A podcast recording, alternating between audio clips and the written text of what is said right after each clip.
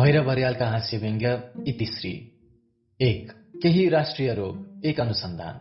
कोही doctor साहेबहरू stethoscope फ्याँकेर झण्डा भिर्न कुद्नुभयो। केही चाहिँ डाक्टरी गर्नुमा भन्दा फ्याक्ट्री खोल्नुमा फाइदा देख्न थाल्नुभयो। यस्तै कसैमा प्रशासनको आकर्षण थपियो कसैमा प्रकाशनको धुन थपियो। डाक्टर लेख्ने लाइसेन्स पाएका तर डाक्टरी गर्ने सेन्स चाहिँ नपुगेका डाक्टर साहेबहरू भूतपूर्व मन्त्रीहरू बढे चाहिँ जतिसुकै बढे पनि के लाग्यो र बिरामीको संख्या बेकार। स्नातक झैँ दिन दोब्बर रात चौबर बढेको छ छ।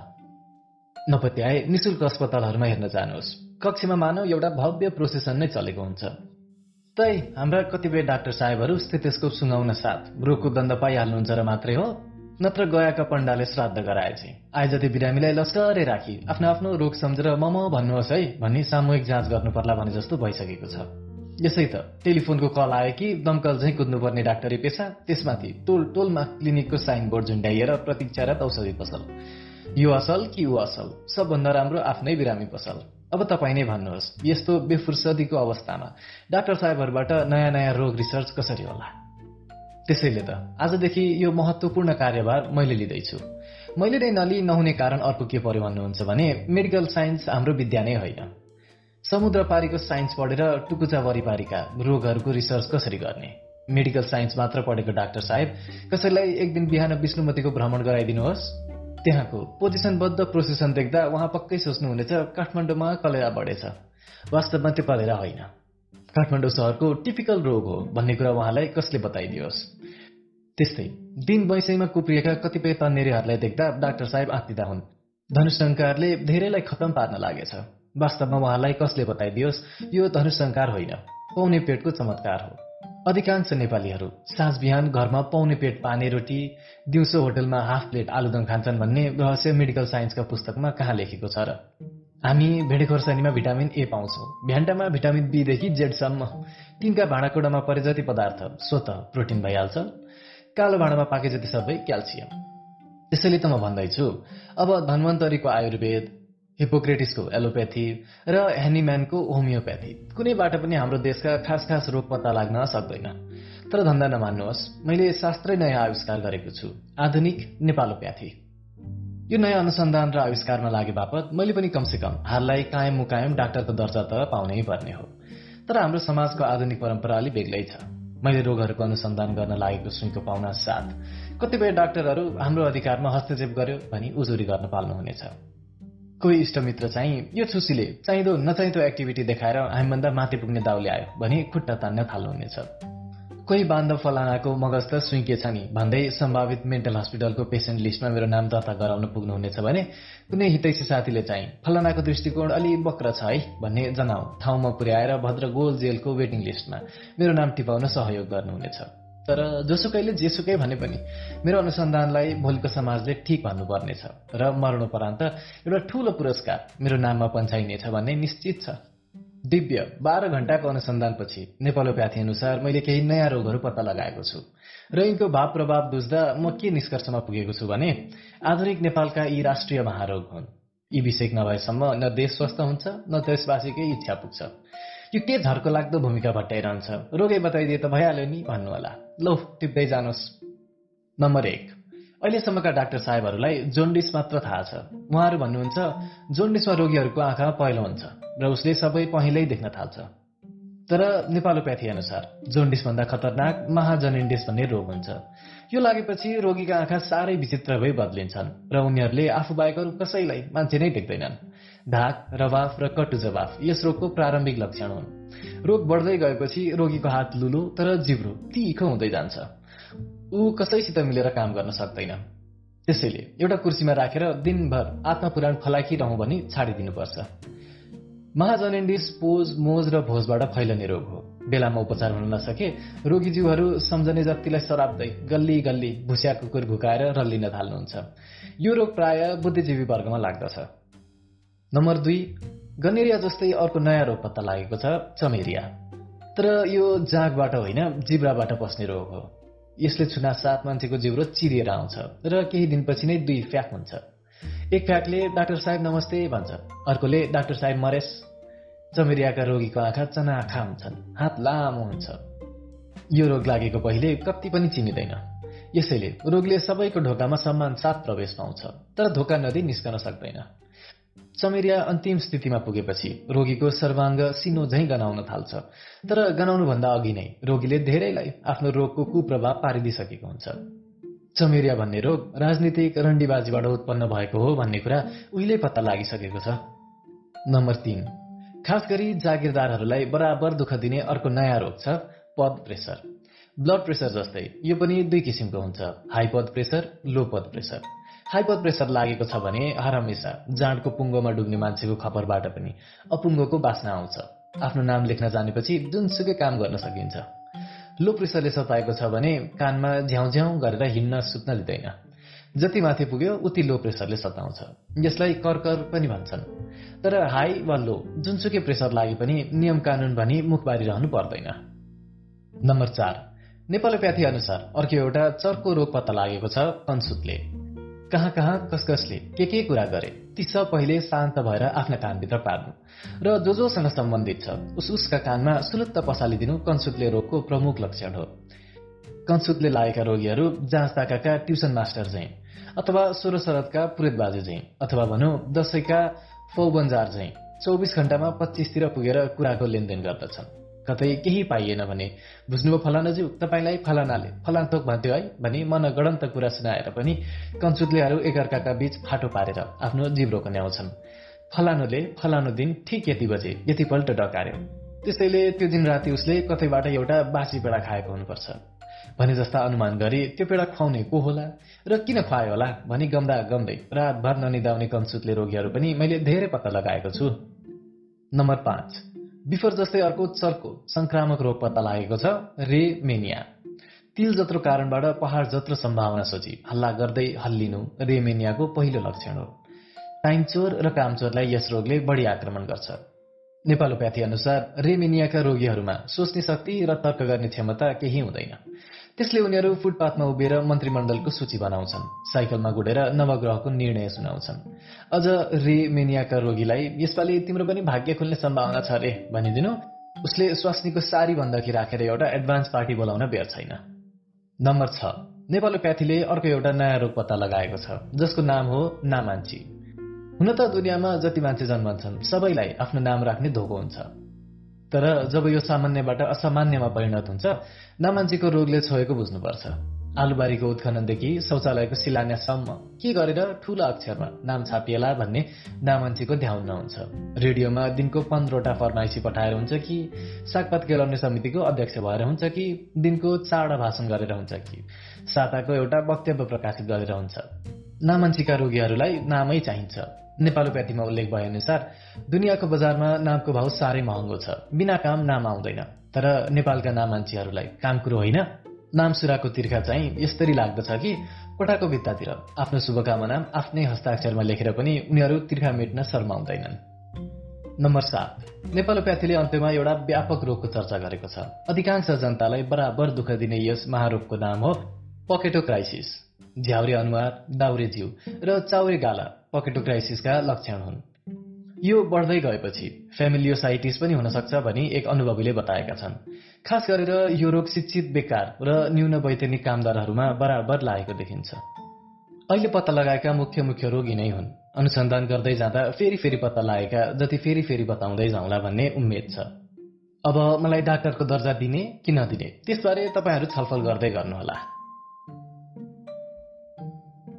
दुई भन्छ भयो हजुर आँखामा सूर्यदेवको झल्को पर्न नपाउँदै कानमा सूर्य साउको आवाज गुन्जिन आइपुग्छ। निन्द्रा भट्टी वाल्ने कान्छिँदै हत्त नपत्त घैटो लुगाउँदै जिउ टकटक्याउँछे सपनाहरू पुलिसको आवाज सुनेका जुवाडेहरू चाहिँ कोही खाटुमै लुक्छन् कोही झ्यालबाट आम फाल्छन्। पिलिक्क आँखा उगार्दै मिलिक्क उही बुढो साउ महिना सुनाउन आएको बाजे चाहिँ विपना सुनाउन भित्र पस्छ। झोकको झन्झवातमा मगज यस्तरी झन्झनाउँछ कि जुरुक्क उठेर साउजीका चाउरिएका गालामा चडम चडम हिर्काउँदै जवाब दिउँ। कौवाले समेत जल्पा नगर्दै तर बाउले भान्सा गर्छ लट्ठु तर बोल्न नपाउँदै केटाकेटी नै उसलाई उल्ल्याउन थाल्छन्। म आफ्नो झोक तकियामै बिसाएर सिरकले गुम्लुङ्ग मुख छोपी आफू नबिउजिएको बाहना गर्छु। किनभने एकैछिनको ध्यान दृष्टिले मलाई यो तथ्य पत्ता लगाउन गाह्रो पर्दैन। अहिले भान्सा भएको नभएको सोध्न आएको कि मार्थ होइन। ऊ त अघिल्लै महिना भान्सा गरेको एक मुरी चामलको उधारो उठाउने उद्देश्यले मलाई ओछ्यानैमा उठाउन आइपुगेको हो। त्यसैले देशको एउटै प्रश्नबाट नेताहरूले बेग्ला बेग्लै अर्थ झिके चाहिँ साउजीले एका बिहानै सोध्न आएको भान्सा गर्नुभयो? भित्र धेरै धेरै अर्थ लुकेको मैले पाएँ। पहिलो त हो उसले कति दिन मेरो भान्सा चलाइदिएको थियो। ऊ जस्तो अन्नदाता साउका मुखै नदेखाई अचेल म कसरी भान्सा गर्छु? न हिजो अस्ति मेरो परिवारले भान्सै गरेको छैन कि? म एउटा जागिरजीवी अधिकृत। पसलेको उधारै नखाई महिनाभर भान्सा गर्न गराउन सक्छु र? उसको सोधाइको अझ सबभन्दा चुरो अर्थ के होला भने आफूले उधारो भान्सा गरे बापत उसलाई तिर्नुपर्ने रुपियाँ यतिन्जेल नतिरेकोले त्यसको पनि मैले भान्सा गरिदिएँ कि? उधारो खाने पनि कुनै निश्चित समय र स्थान हुन्छ र? उधारो ऋण घुस कमिसन नाफा नर्जना भन्ने कुरा कौवाको बच्चाले जलपान नगर्दै खाए पनि हुन्छ रे। लाटा कोसेराका बच्चाले न्यास ध्यान नगर्दै सिद्ध्याए पनि हुन्छ रे। यसरी रहस्य उगार्दै जाँदा उसले एका बिहानै भान्साको प्रश्न उठाए बापत उठेको झोक नसाले छोडेपछिको आत्मज्ञान झैँ आत्मग्लानीमा परिणत हुन्छ। म सिरकभित्र दुम्सीले झैँ जिउ खुम्च्याएर डम्पस पारी आफूलाई लुकाउन खोज्छु। तर हिजो बेलुका गरेको काँचो कचिलो भान्साले भुँडीभित्रैबाट ध्वालल्ल गरी शौचालयको निम्ता दिन्छ। भान्साको कुरा गर्दा गर्दै शौचालयको कुरा झिक्दा तपाईँलाई अलि विभत्सताको गन्ध आउला। वास्तवमा यी दुईको सम्बन्ध टिप्पणी र आदेशको सम्बन्ध जस्तै घनिष्ठ छ। भान्सा एउटा टिप्पणी हो भने शौच एउटा आदेश हो। दार्शनिक भाषामा भान्सा भोगभूमि हो भने शौचालय त्याग तीर्थ हो। साँच्चै भन्नु भने आजको जटिल र व्यस्त जीवनमा शौचालय जस्तो आनन्दी ठाउँ अर्को कुनै छैन। कारण यहाँ उधारो उठाउन आएको साहुले मात्र होइन। उधारो खान बाध्य गराउने केटाकेटीको माउले पनि झिझोल्न पाउन्न। कमसे कम एकान्त साधना र आत्मचिन्तनको एउटा शान्त आश्रम शौचालय नै हो। त्यसैले म आश्रमभित्र पसी आराम भएर आत्मलिन हुँदै चिन्तन गर्न थाल्छु। मानौ मलाई भान्सा गर्नुको अर्थबोध हुन लाग्छ। भान्सा गर्नु भनेको खानु हो। खानु भनेको कुनै पदार्थलाई मुखद्वारबाट प्रवेश गराई आन्द्रे मार्गद्वारा भुँडी भण्डारसम्म पुर्याउनु हो। तर खानुसित बढी मोह भएर हो कि खानुको समस्याले बढी सताएर हो नेपालीहरूले यसको अर्थ विस्तार यस्तरी गरेका छन् कि तन्काउनु र सुर्क्याउनुलाई पनि खानु नै भनिदिन्छन्।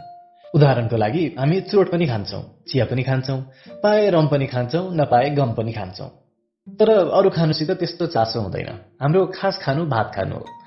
त्यसैले साँझ बिहान कोही टुक्टुक्क आइपुग्यो भने ढोक भेटपछिको दोस्रो प्रश्न हुन्छ भात खानु भयो? भात खानु भनेको जिउनार गर्नु भोजन गर्नु भान्सा गर्नु हसुर्नु घिच्नु र धोक्र्याउनु पनि हो।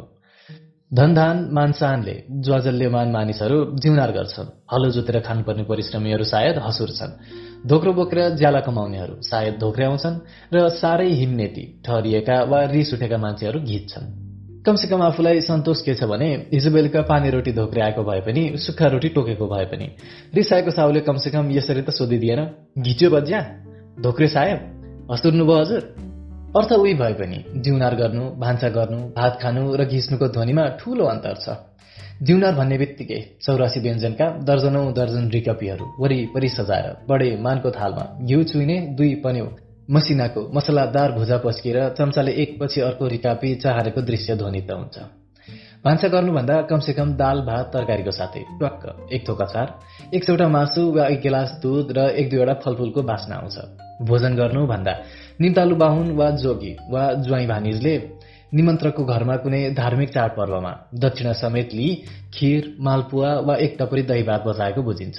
भात खानु मात्र भन्दा सिलाबरको वा पिक्ले थालमा पस्केको रातो रातो चपरी भात केही न केही एक थोक तरल तिउनसित मुछेर गाँस हाल्नु भन्ने बुझिन्छ।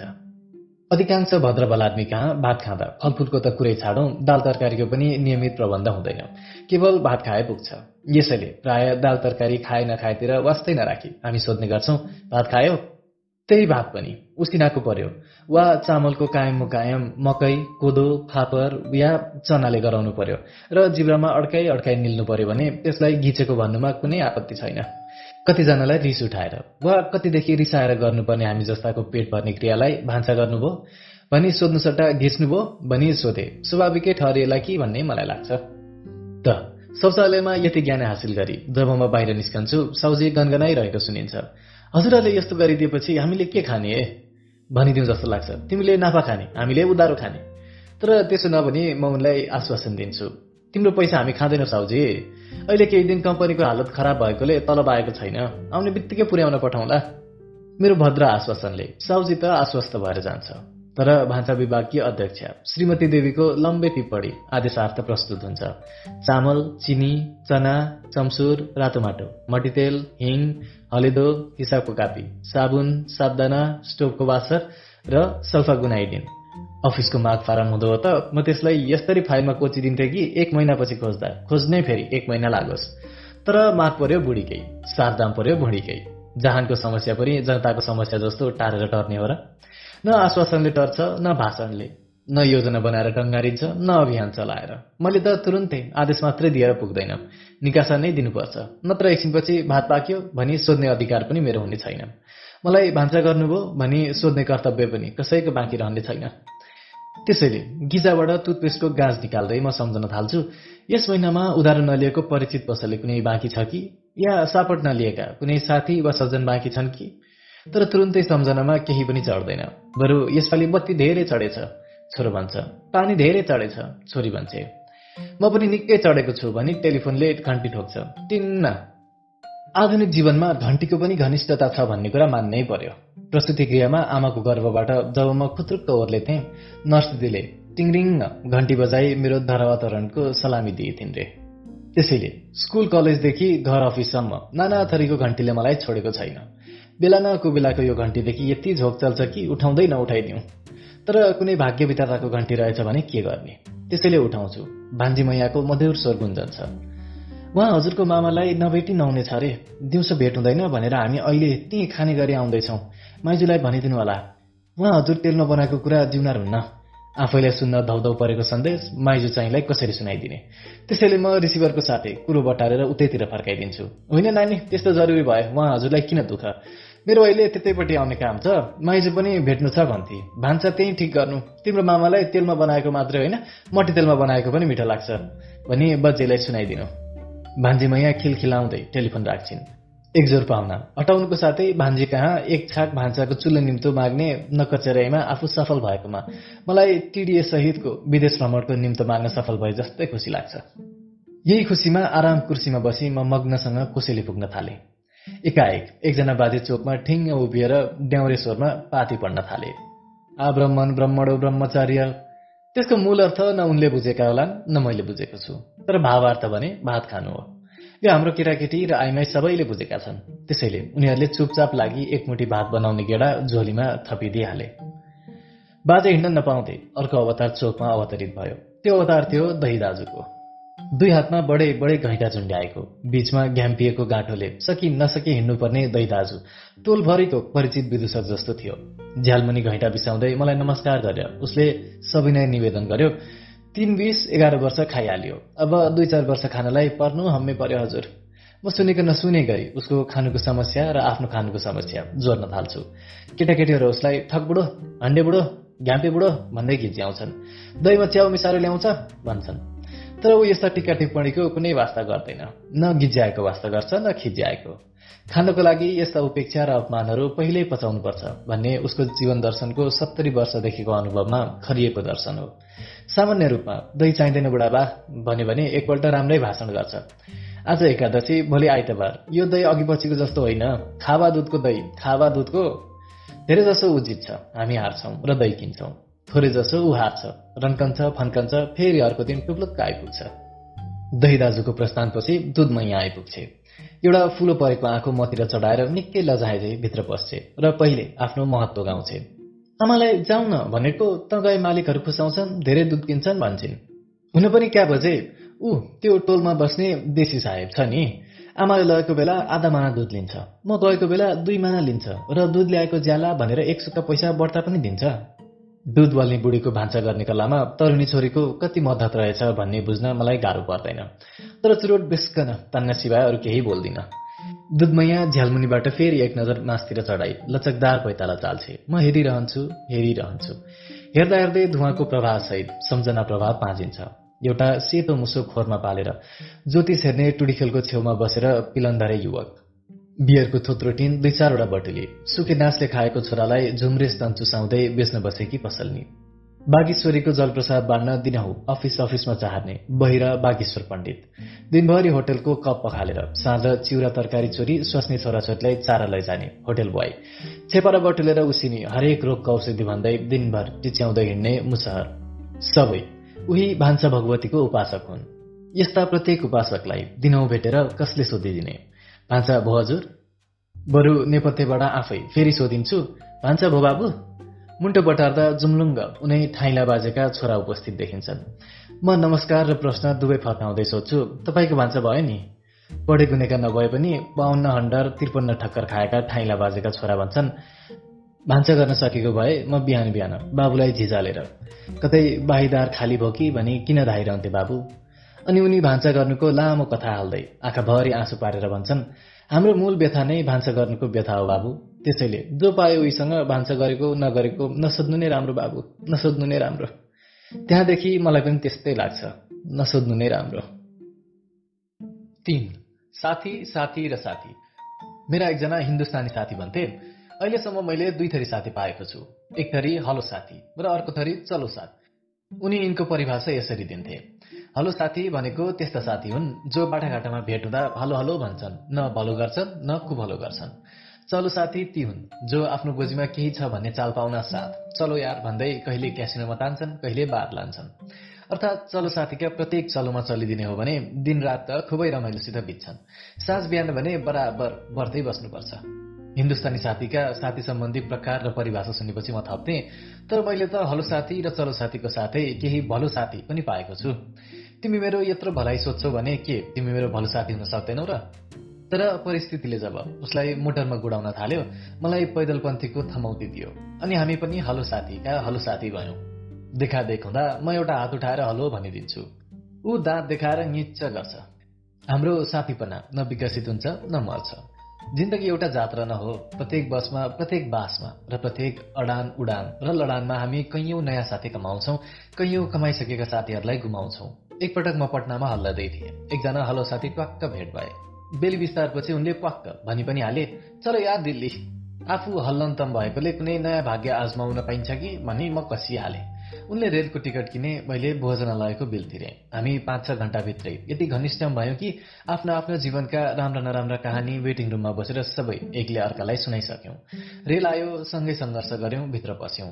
दुईटा बर्थ रिजर्भ थिए सुत्नको लागि। तर जब सुत्ने तर्कर भयो माथिल्लोमा को र तल्लोमा को भन्ने प्रश्न निकै गम्भीर भएर दुवैजनाको मन मडारिन थाल्यो। मुखले जो माथि भए पनि के भयो र भनी जतिसुकै मिलनसारिता देखाए पनि मासतिर मै उक्लन पाए हुन्थ्यो भन्ने मलाई नलागेको त होइन। तर साथीको पनि त्यही आशय बुझेकोले मैले खुरुक्क तल्लैमा ओछ्यान लगाएँ। साथी माथि गएर मलाई गुन्डा पुग्न देऊ न भन्न थाले दिएँ। उनको सुटकेस मागे दिएँ। उनको लुगा मागे दिएँ। यसै गरी उनी माथि बसेर अर्डर गर्दै जान्थे। म तलबाट पुग्न दिँदै गएको थिएँ। एकाएक अर्डर आयो जुत्ताको। त्यो मेरो जुत्ता पनि एक फेरा मलाई पुग्न दिनुहोस् त। यस अनुरोधले भने मेरो कन्सिरी बल्दो हिटरसित ठोक्किन पुगे झैँ गरी रन्क्यो र उसको जुत्ता टिपेर पहिले उसैको टाउकामा दिउँ जस्तो पनि लाग्यो। तर साथीको हैसियतले त्यस्तो उग्र प्रतिक्रिया नजनाए खालि जवाफ दिएँ जुत्ता सुत्ता आफै ओर्लेर लैजानुहोस् बा। उनी रातो मुख लगाएर ओर्ली जुत्ता लिएर उक्ले र नचिनेको सहयात्री चाहिँ निकै बेरसम्म चुपचाप रहे। भोलिपल्ट बिहान सबभन्दा पहिले उनको टिकट किन्दा लागेको खर्च मागे दिए। हिजो दिनभरिमा दुई बट्टा चुरोट खर्च भएको छ त्यसको आधा पैसा ल्याऊ भने त्यो पनि दिए। तैपनि हामी त्यस बेलासम्म साथी नै रह्यौँ जहाँसम्म टिकट जाँच कि आएको थिएन। उनले एउटा टिकटै दबाएर मेरो बारेमा थाहा छैन भनिदिएकोले मैले दिल्लीमा खाने खर्च जरिमानामा सिद्ध्याएर सिल्ली हुनु पर्यो जब म यो घटना अद्यपान्त सम्झन्छु साथीत्वको पाँच प्रकार हुँदो रहेछन् जस्तो लाग्छ। एउटा कहिलेकाहीँको हलो साथी पटनामा भेट भएपछि चलो साथी भयो। रेल नचढुन्जेल ऊ भलो साथी देखियो। त्यसपछि ऊ जुत्ता बोकाएर मेरो दलो साथी हुन खोज्यो। उसका सत्र अनुरोध मानेको कुनै मानि नै रहेन। अठारौँ अनुरोधमा आनाकानी गर्दा ऊ ढलो साथी हुन पुग्यो र कसरी यसलाई ढालेर तमासा हेरौँ भन्ने ध्याउन्दामै मेरो साथी व्यस्त रह्यो। त्यसैले अचेल नयाँ साथी बनाउँदा र आफूलाई कसैको साथी बनाउँदा यो साथीपन कस्तो प्रकारको हुने हो भन्ने मलाई साह्रै उत्सुकता लाग्छ। यो उत्सुकता जगाउन मलाई अर्को एउटा रमाइलो घटनाले पनि मद्दत गरेको छ। उनीहरूको कानमा नपरोस् तपाईँलाई भन्न के भयो अघि? म वर्षौंको बिकारीपछि बल्ल बल्ल खरदार भएको उपलक्ष्यमा एकजना भलो साथी मलाई बधाई दिन घरै आइपुगेछन्। साथीको खुसीमा खुसी हुनु साथीको कर्तव्य हो। मेरो स्वास्नीले बल्ल तल्ल एक कप चिया खान दिइन् तर साथीले भने यत्रो खुसियालीमा एक कप चिया खुवाएर टार्ने भ्याट चाहिन्छ भ्याट। उनले अलिकति सुर्काएरै आएका रहेछन् भन्ने हामीलाई बुझ्न धेरै बेर लागेन। बरु गम्भीर साथीको यो ठट्यौलापनामा साह्रै मजा आयो। मैले भने तिमीलाई एक बोतल भ्याट खुवाउने पैसा भए त केटाकेटीलाई एक महिना भात खुवाउँथे नि। तेरो कोट बेचेर पनि म आज नक्खै छोड्दिनँ भन्दै उनी किलाको कोट झिकेर लम लम हिँडिदिए। हामी मरि मरि हाँस्यौँ बाटामा अर्को साथीले उनलाई व्यङ्ग गरेछ। क्या हो डबल कोट लगाएछ नि? रङ त डबल परेन? उनले जवाफ दिएछन् के छुसी रामजी खरदार भएपछि झन् मातिएछ मेरो अलिकति सापट लगेको कहिल्यै तिरेन। राज त मोराको कोटै खोसेर ल्याए कुरा कता कता सुसाउँदै मेरै कानमा पस्यो। झोक त चलेको हो। तर मुख मजमजाएको बेला मान्छेले के भन्छ के भन्दैन। भनी मैले यसलाई पनि हाँसोमै उडाइदिएँ। आइतबार अफिस पुग्न साथ हाकिमले सोधे आज किन कोट नलगाइकन आउनुभयो? मैले सजिलै उत्तर दिएँ। गर्मी बढ्न थालेछ बुर्सर्ट प्यान्ट नै हल्का होला भनेर कोट छाडिदिएँ। उनले च्याटिएर भने यही चरित्रले त जागिर खाइन्न है म जिल्ला परेँ। पछि बुझ्दा थाहा पाइयो कुनै भलो साथीले उनको कानमा गणन्त कुरो सुटुक्क छिराइदिइसकेको रहेछ। राम खरदारले हिजो कुन्नी कुन भट्टीमा जाँड खाँदा खाँदा कोटै बेचेर खाएछ। म स्तम्भित भएँ। भात खाँदा दाल तरकारी अचार सबै थोक खानु परे चाहिँ जागिर खाँदा गाली चुक्ली छुल्याई झुन्ल्याई सबै थोक खानु पर्दो रहेछ भन्ने लाग्यो। तैपनि भोलि कोट लगाएर आएपछि आरोप स्वत खण्डित भइहाल्छ भन्ने ठानेर मैले कसैसित कुनै वाद विवाद गरिनँ। अफिस छुटेपछि सरासर कोट लैजाने साथी कहाँ गए? साथी आइपुगेका रहेनछन्। साथीकी श्रीमतीले भनिन् कोटसुटको कुरा मलाई थाहा छैन। मेरो लोग्नेलाई अहिलेसम्म ससुराले पुर्याइदिएका छन्। कसैको जडोरी लाउनु परेको पनि छैन। उनी भुट्न लागेको मकै भटभटाए चाहिँ के के भटभट्याउँदै थिइन्। म दुई हात दुईटा काखीमा लुकाएर लस्केँ। फेरि म कोट माग्न पनि गइनँ पुर्याउन पनि ल्याएनन्। एउटा कोट साथीले लियो या हरायो यसमा केही थिएन। एकैछिनको रमाइलोमा एउटा हिजोसम्मको भलो साथी ढलो साथीमा परिणत भइसकेको देख्दा। नेपाली साथीत्वको क्षण भङ्गुरतामा अत्यन्तै विस्मात लाग्यो। घरै नगई म नयाँ कोटको तर्जुमा गर्न आफ्नो पुरानो एउटा साथी कहाँ पुगे? ऊ राणाजीको छोरो थियो। हुन त हाम्रो न वर्ग मिल्थ्यो न वर्ण तर पनि केटाकेटीदेखि नै मन मिलेको थियो। मलाई उस कहाँ पुगेर सपना नसुनाई बिउजे जस्तो लाग्दैन थियो।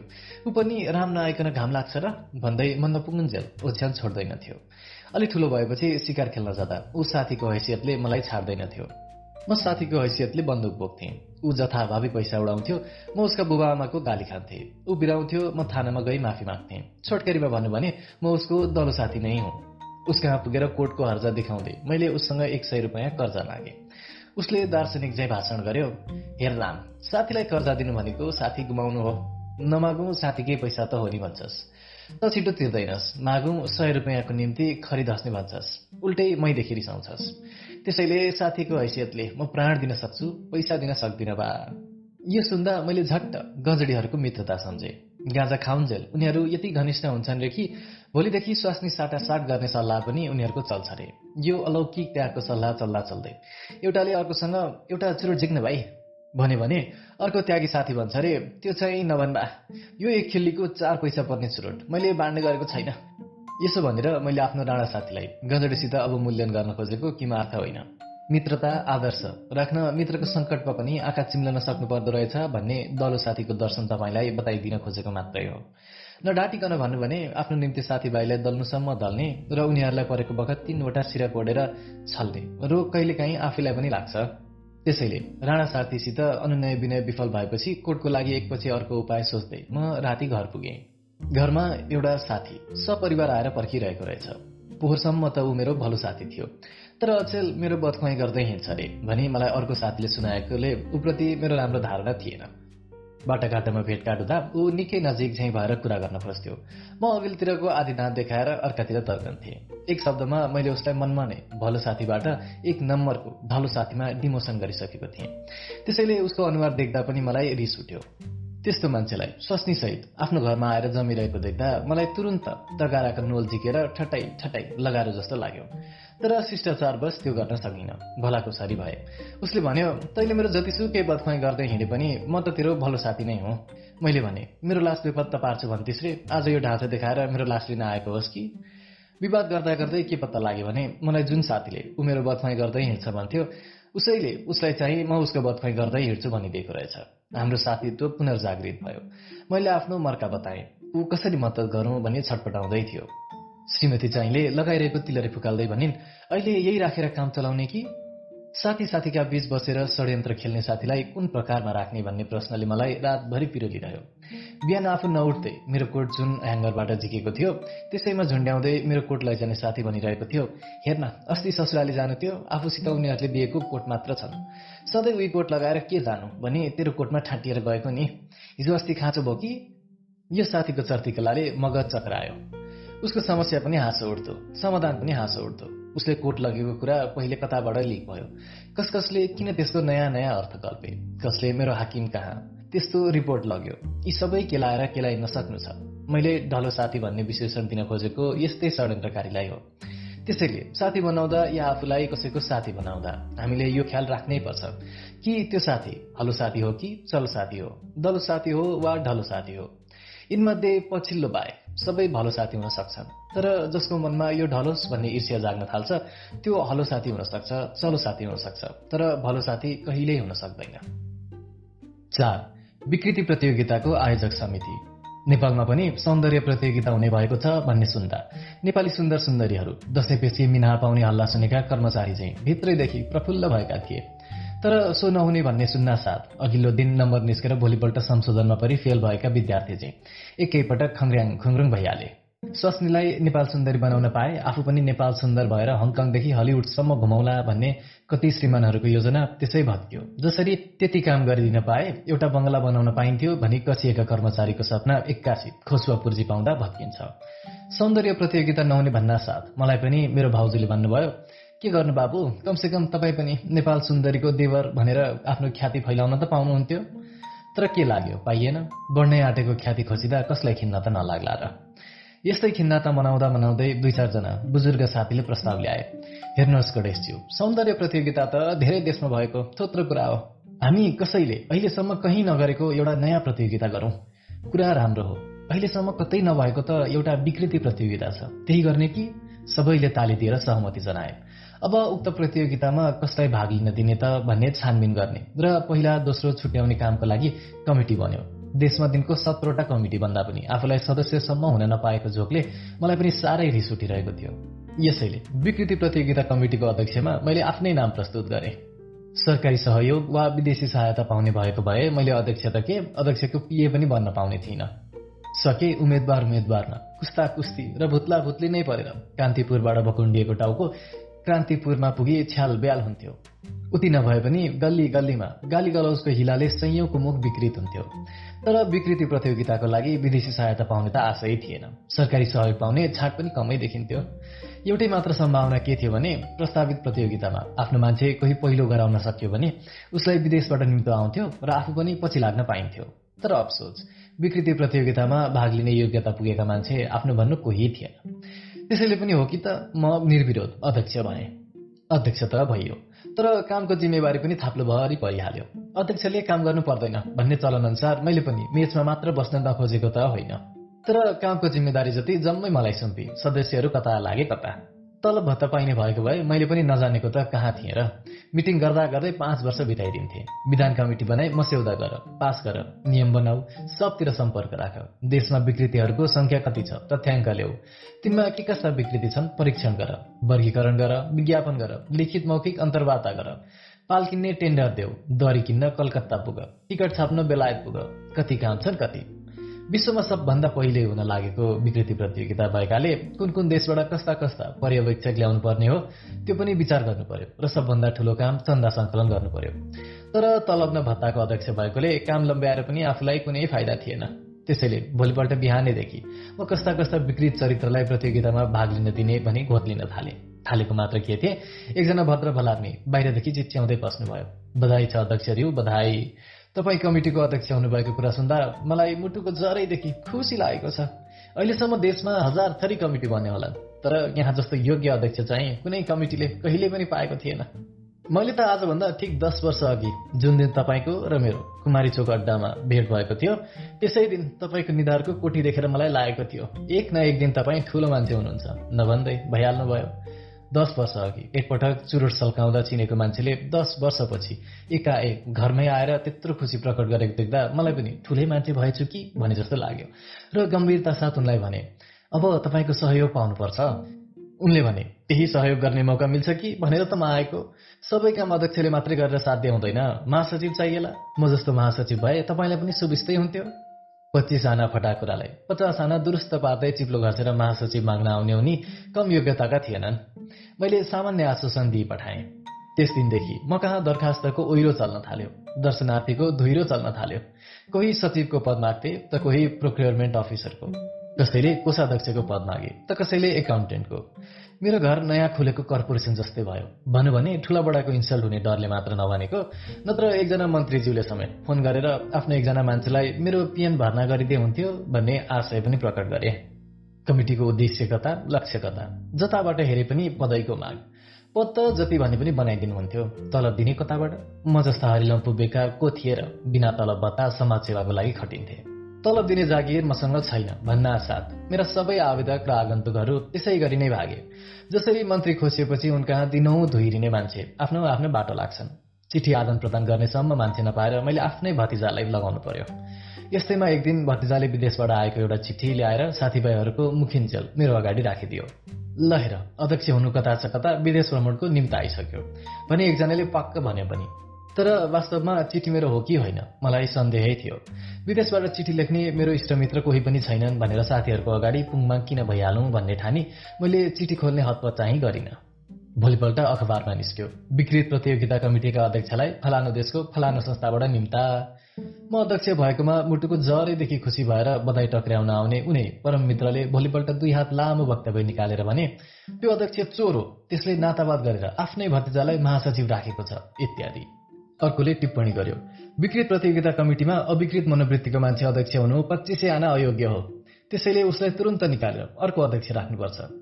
यस्तो टिक्का टिप्पणी चल्दा चल्दै एक दिन अखबारमा विज्ञापन निस्क्यो। विशुद्ध विकृतहरूको प्रतियोगिता गराउने उद्देश्यले श्री सकुनी शर्माको अध्यक्षतामा एउटा नयाँ कमिटी गठित भएको छ जसको सदस्यमा सर्वश्री गालीबहादुर पाण्डे मुडेवीर डङ्गोल कुत्ताकाजी प्रधान मूर्खराज गुरुङ र कञ्चुत चला सिंह कायस्थ पनि हुनुहुन्छ। यो सुनेपछि समाजसेवा गरेर ख्याति कमाउनु अध्यक्ष भएको म स्वयंले आफूसित रहेको त्यो महत्वपूर्ण विदेशी चिठी नयाँ अध्यक्षलाई बुझाइदिए। जुन वास्तवमा मेरो नभई मेरो नाम भएको अरू कसैको थियो र भित्र लेखिएको थियो तपाईँसँग अल्मुनियम कम्पनीको दुई हजार रु बाँकी भई अहिलेसम्म नतिरिकाले तुरन्त पठाइदिनु होला। बडो विकृत अनुहारले पत्र च्याप्दै नयाँ अध्यक्षले विकृत प्रतियोगिता कमिटिको पदभार ग्रहण गर्नुभयो। म ढाक्रेको ढाक्रे नै रहेँ। पाँच उन्नतिको शिखरतिर। सगरमाथाको शिखर अग्लो कि उन्नतिको शिखर अग्लो? अचानक एउटा केटाले मसित पक्क सोध्यो। हुन पनि उसको खुल्दुली गजबको थियो। पुस्तकमा सबभन्दा अग्लो शिखर सगरमाथा भनिएको छ। तर भाषण गर्नेहरू चाहिँ सधैँ हामीले उन्नतिको शिखरमा पुग्नुपर्छ भन्छन्। सगरमाथाको शिखरमा उहिले पुग्न सक्नेले उन्नतिको शिखरमा अहिलेसम्म किन नपुगेको? उसको खुल्दुली सुनेर केही बुजुर्ग केटाहरू हल्ला हाँसे। तर आफ्नो सम्झनाको रोल चाहिँ फन्न घुमेर मामा घरमा पुग्यो। किनभने सबभन्दा पहिले उन्नतिको शिखरतिर पुर्याइदिन्छु भन्ने व्यक्ति मेरो निम्ति मेरा मान्यवर मामा नै थिए। मेरो मामाको नाम सुन्नुभयो भने तपाईँहरू मेरो जन्मदै नजन्मेको छोरालाई आफ्नै छोरी दिन कसिनुहुन्छ। किनभने मान्छे उनी अपारकै थिए। भनाइको मतलब के भने जीवनमा उनले गरेको उन्नति पार नपाइसक्नु थियो। मान्छे भन्थे उनी सुर्ती उद्योगदेखि मूर्ति वाणिज्यसम्म पोख्त छन्। पण्डित्याईमा उनी रुसो र रस्यलाई नाकका पुराभित्र घुसार्न सक्छु भन्छन्। प्रशासनमा टेबल चपाएर फाइल थुक्नसम्म खप्पिन्छन् त्यसैले उनको सरसङ्गत गरेर शुद्धि बुद्धि बढाउन खोज्नेहरूको धुइरो कहाँ त्यसै गरी लाग्थ्यो। जसरी नाइट क्लब या क्याब्रेमा धनीमानी र सम्मानीहरूको लर्को चल्छ। सबैको अगाडि मामाको एउटै सल्लाह हुन्थ्यो। जसरी भए पनि हामीले उन्नतिको शिखरमा पुग्नै पर्छ। तर पुग्ने कसरी? त्यो चाहिँ जस जसलाई उनले बताएका थिएनन्। आफू केटाकेटी भएकोले उनका अगाडि राम्ररी बोल्न पनि सकिँदैनथ्यो तापनि उन्नतिको शिखर कस्तो हुन्छ भन्ने उत्सुकता आफूलाई त्यत्तिकै थियो जतिको अहिले मेरो विद्यार्थी केटोलाई छ। त्यसैले एक दिन एकान्त पारी मैले विनम्रतापूर्वक मामासित प्रश्न गरे उन्नतिको शिखर कति अग्लो हुन्छ मामा? के हामी पनि कुनै दिन त्यहाँ पुग्न सकौँला? किन नसक्नु? पन्ध्र बिस हजार रुपियाँ कतैबाट बटुल्न सक्छ भने उन्नतिको शिखरैमा नपुगे पनि पुग्ने ठिक बाटोसम्म त भोलि नै देखाइदिन सक्छु। तर मैले विद्यार्थी केटालाई त्यसै गरी जवाफ दिन सकिनँ। बरु क्लास छाडेर लागे घरतिर। हो त्यो दिन बाबुको गुठुरीदेखि आमाको गहनासम्म लटर पटर पारी। बटुलेका आठ नौवटा हजारी भित्री गोजीमा घुसारेर म मामाको मर्सिडिजमा ठाँटसँग बसेँ। उन्नतिको शिखरतिर जान लागेकाले मेरो नाक पनि चुलिदा चुलिदा एउटा सानो सानो शिखर भयो जस्तो मनमा लागिरहेको थियो। म आफ्नो चिर प्रतीक्षित प्रेमिकालाई लिन हिँडेको दुल्हा चाहिँ मक्क परेर चुपचाप थिएँ। मामा चाहिँ मलाई सिकाउँदै हुनुहुन्थ्यो। बुझ्यौ भान्जा उन्नतिको शिखरतिर लाग्दा लाज घिन धप पाप इत्यादि कुनै कुराको प्रवाह गर्नुहुन्न नि। मैले असजिलो लाग्दा लाग्दै पनि मुन्टो हल्लाएर हस् भने। हाम्रो कार एउटा विशाल पोखरीको किनारमा गएर टक्क अडियो। रातो रातो पानीको त्यो विचित्र पोखरी देखाउँदै मामाले भन्नुभयो त्यो उन्नति सागर हो। दुनियाँभरिका दरिद्र र बुद्धुहरूको रगत निचोरेर बनाएको यो सागर कति रमणीय र रोमान्टिक छ हेर त। उन्नतिको शिखर यसैबाट जानुपर्छ। मामाले मलाई घिच्याएर किनारैमा लग्नुभयो र घाटको एउटा स्विच थिच्नुभयो। जादुको ढोका जस्तै गरी घाटको एउटा सानो भाग सर र भाँसिँदै गयो। हामी पल्लापट्टि पुगेका हौँ कि तल्लापट्टि पुगेका हौँ? त्यो मैले ठम्ब्याउन सकिनँ। सर र भएको एकैछिनपछि मैले आफ्नो मामा भान्जालाई एउटा अत्यन्त अग्लो भवनको प्राङ्गणमा उभिन पुगेको पाएँ। माथिल्लो भाग बादलले छोपेकाले भवनको धुरी कहाँ पुगेको छ बुझ्न सकिन्नथ्यो तुवालुले यसको चौडाइ पनि आँक्न दिँदैनथ्यो लौ भान्जा नोट झिक प्रवेश पत्र नली यहाँभित्र पस्न पाइँदैन। उन्नतिको शिखर जाने बाटोको यो पहिलो चौकी हो। मैले यन्त्रवत भई नोटको ब्यागे मामाको हातमा राखिदिएँ। मामा नैवेद्य थुतेर उफ्रेको बाँदर चाहिँ एकै निमेषमा कता पसे कता? म जागिर माग्ने मन्त्रीको चाकडीमा पुग्ने स्नातक झैँ चार घण्टासम्म चोक ढोकिरहे। तर न मामा आए न प्रवेश पत्र बरु सम्झनामा मामाको दिव्य बाणी आयो। उन्नतिको शिखरतिर लाग्दा लाज घिन धक पाप कुनै कुराको प्रवाह गर्नुहुन्न भान्जा। त्यसैले म पनि लास बचाउँदै बिना अनुमति भवनभित्र बसेँ। त्यहाँ मेचै मेच लस्कर लागेर सजिएका थिए। कोही साना कोही ठुला कोही गद्दादार र कोही घुमन्ते मेचहरू। बस्ने बित्तिकै कामेको स्वरमा विनम्रतापूर्वक भने उन्नतिको शिखर हेर्न जान लागेको मामाले धोका थिए प्रवेश पत्र पाउँछ कि? मेचहरू हल्ला हाँसे। एउटा ठुलो मेचले अलिक गम्भीर भएर सोध्यो तिमी कसको मान्छे? म अकमकिएँ। ब्रह्माजीको मान्छे भनौँ कि नेपालको मान्छे भनौँ कि? या यो नभनेर अरू थोकैको मान्छे भन्नुपर्ने हो कि? वास्तवमा आजसम्म मैले सोचेकै थिइनँ। म कसको मान्छे हुँ? अर्को मेचले फेरि सोध्यो तिम्रो कुनै मेचसँग सम्बन्ध छ? छ भने सिफारिस लिएर आऊ।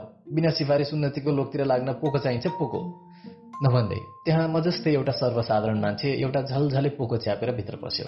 सब मेचको ध्यान उतैतिर आकृष्ट भयो। उसलाई सबै आफैतिर तान्ने बल गरिरहेका थिए। म ट्वाल्ट्वाल्ती हेरेको हेरै भएँ मेचहरू आफै टक्राउन थाले। मान्छे पोको छाडेर बेपत्ता भयो। मेच मेचको सङ्घर्ष झन् मचियो एउटा मजवाला मेचले वरिपरिका तिन चारवटा मेचलाई फालिदियो। ससाना मेचहरू ठुला ठुला मेचका मुनि छिर्न थाले। कुनै कुनै मेचले बुद्रुग्ग उफ्रेर ठुला ठुला मेचको बुई चढेको पनि देखियो। साँडेको जुदाई बाछाको मिचाइ होला भन्ने ठानेर म धक्च पाउँदै माथिल्लो तल्लामा उक्लिएँ। म माथिल्लो तल्लामा उक्लिँदा साँझ परिसकेको थियो। अघि देखेका कतिपय ठुल्ठुला मेचहरू बडै बडै घैँटामा स्ट्यान्ड भइरहेका थिए। वल्लो छेउदेखि पल्लो छेउसम्म घैँटै घैँटा पारदर्शी घैँटा अपारदर्शी घैँटा। मानौ यो लोकै घैँटै घैँटाको जस्तो। मानौ सबै भद्र भलाद्मी मरेर घैँटाको जुनी फेरे जस्तो। म ढोकामा उभिरहेको देखेर एउटा मुखभरि फिस भएको घैँटाले भन्यो ए बेफुक फुच्चा के हेरिरहेको? म के जवाफ दिउँ के जवाफ दिउँ भने अपमकाउँदै थिएँ अर्को घैँटाले छचल्किएर भन्यो जसले जेसुकै हेरोस् त पुङ्गालाई के वास्ता? पहिलो घैँटा छचल्किएर गर्छ्यो कसलाई पुङ्गो भनिस् ग्याम्पा? दोस्रो घैँटो फिस पुग्दै चर्क्यो। तेरो बाउलाई घाँपो भन्छस् को देखेको छस् मलाई? तेरो मुख फुटाइदिउँ? हेर्दा हेर्दै घैँटा घैँटाको बीच गुटहरू बने। गुट गुटका बीच छचल्का छचल्की चल्यो। उफ्रा उफ्री चल्यो घम्सा घम्चे चल्यो। कुनै घैँटाको मुख फुटेर फिस पोख्यो कुनैको पिँध पाल परेर धारा लाग्यो। म छक्क परे तैपनि उन्नतिको शिखरतिर बढ्नु त छँदै थियो। घिन पचाएर मासतिर लागे। त्यो कक्ष झन विचित्र थियो। बस्ने बित्तिकै हेलो भन्दै एउटा सुमधुर स्वरले मेरो स्वागत गर्यो। स्वर मलाई आफ्नै मामाकी छोरीको जस्तो लाग्यो तर उनलाई भन्ने त्यहाँ देखिन। त्यहाँ त सबै जाँगै जाँग र टाङ्गै टाङ मात्र थिए। मेरो नाम कुमारी जङ्गा हो। एउटा जाँग र सर्दै टाँसिन आयो। मैले मुस्कुराइदिएँ। डलर र गिनीका झम्का हालेको उक्त जाँग वाल्सको धुनसँगै झन्झनाएर नाच्न थाल्यो। दुर्भाग्यवश अचानक फ्युज गएझै बत्ती झ्याप्प निभ्यो। कुन जाग कता कोल्टिन पुग्यो कुन टाङ कता जोडिन पुग्यो मैले देख्नै पाइनँ। मेरा खल्ती र खोकिलामा कुन्नी कसको हात घुस्रदै दिए सबैलाई झट्कारेर म मासतिरै लागेँ। माथिल्लो कक्षमा आँखाले भ्याएसम्म यताउति निहारे। मान्छे कोही थिएन तर बीचबीचमा मारा माराको सामूहिक स्वरले कक्षा गुन्जायमान थियो। एकटकले सुनिरहनु सिवाय अर्को केही उपाय सुझेन। सुन्दा सुन्दै मारा माराको आवाज मारे मारेमा परिणत भयो। म डराएर भौतारिँदा भौतारिँदै कता कता एउटा स्विचमा ठक्कर दिन पुगेछु। घयाक्क ढोका उग्रियो भस्स गन्ध आयो। झ्यास आँखा पर्दा कोठाभरि मान्छेका टाउका र गिँडहरू अलपत्र मिर्किरहेको देखेँ। मलाई झस्स डर लाग्यो। कता भागौँ जस्तो भएर जिउ काम्यो। हत्तपत्त निस्किन लागेको कता कताबाट म एउटा झुन्डिरहेको लासमा ठोकिन पुगेँ। यसो हेर्छु त लास तिनै साउको थियो। जो हिजो मात्र मोटर एक्सिडेन्टमा परेरे भन्ने हल्ला मैले मामा घरतिर सुनेको थिएँ। मेरो होस उड्ला उड्ला जस्तो भयो। रोक्दा रोक्दै म आँखा चिन्देर चिच्याउन पुगेँ। उन्नतिको शिखर भनेको यही हो मामा। आँखा खोल्दा मामा पिस्तोल सोझ्याउँदै मेरो अगाडि उभिरहेका थिए। उनका आँखा ज्वाजल्यमान थिए दारा किटकिटायमान थिए। मुखाकृति यमदूतको जस्तै थियो। एक पाइलो अझ अघि सर्दै उनी गर्जे हल्ला नगरी फर्कन्छस् कि सुट गरिदिउँ। मैले विनम्रतापूर्वक हात जोडेर भने फर्कन्छु मामा फर्कन्छु। तपाईँले देखाएको उन्नतिको शिखर पुग्ने बाटो मैले देखेँ तर मैले हेर्न खोजेको उन्नतिको शिखर यस्तो थिएन। अब तपाईँ नै भन्नुहोस् म आफ्नो विद्यार्थी केटालाई कसरी बताउँ? सगरमाथाको शिखर अग्लो हुन्छ कि उन्नतिको शिखर अग्लो? छ। कवि चम्रेलाजी एक शब्द चित्र चम्रेल कविले एका एक जिब्रो टोकेको देख्दा मलाई यति खुसी लाग्यो कि पाएको भए। यस खुसीमा काँचे खसीको कान टोकेर चम्रेलको मृत्यु जिन्दाबाद भन्दै चारपटक चोकमा उफ्रन्थे। तर आफ्नो खल्तीमा खसीको कुरै छाडौँ एउटा फर्सी किन्ने पैसा पनि थिएन। न त आफ्नो घर वरिपरि टेक्न हुने चोक थियो। त्यसैले भोजको रूपमा एउटा सुक्खा पुरी र एक गिलास फिक्का चिया खाएर हत्तपत्त मलामी गए। उनको अर्धसामयिक निधनमा शोक प्रकट गर्नुको साटो हर्ष प्रकट गरेको सुन्दा चम्रेल कविसित यसको भयानक शत्रुता रहेछ भन्ने तपाईँलाई पक्कै लाग्यो होला। तर तपाईँ मारिहात्थे उनीसँग सती बयरको गेडा जति पनि मेरो कहिल्यै शत्रुता थिएन। बरु उनी मेरो कन्दनी लगाउने बेलादेखिका दौतरी कटु लाउन जानेदेखिका साथी र दोस्रोला उड्ने साइडदेखिका मित्र थिए। मित्रता बाहिरी मात्र होइन अन्तरङ्गै थियो। कति अन्तरङ्ग भने उनको पेटमा कतिका चिया अटाउँछ त्यो मेरो घरका बुढाबुढीदेखि केटाकेटीसम्म कन्ठै थियो। म कहाँ कुन बेला के पाक्छ? त्यो पनि उनका घरका केटाकेटीदेखि बुढाबुढीसम्म बताइरहनु पर्दैन थियो। मान्छे मरे पनि गुण मर्दैन भन्छन्। जिन्दगीमा उनले मलाई जति कविता सुनाए त्यति त चन्द्र शमशेरलाई उनका हजुरियाले बिन्ती पत्र पनि सुनाएनन् होला। मेरो कुरै छाडिदिउँ। चिने जानेको कोही पनि कहीँ भेटियो भने सामान्य रहेछ भन्ने सुन्न सुन्नुहोस् मैले भर्खर लेखेको। सुनिहाल्नुहोस् भन्दै उनी भट्याउन सुरु गरिहाल्थे। सन्मान्य रहेछ भने दस गज परदेखि साइकलबाट ओर्लिएर नमस्ते गर्दै पियनले हाकिमसित पेसीको निवेदन गरे चाहिँ टाउको कन्याएर घरमा भेट्ने समय मागिहाल्थे। हाटमा मिले हाटैमा घाटमा मिले घाटैमा।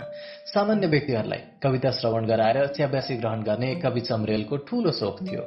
दिनु खुवाउनु पनि त्यति पर्दैन थियो। खालि सुनिदिए पुग्थ्यो। अर्थात् कुरा के भने ध्यान दिन नसके कान मात्र दिए पनि पुग्थ्यो।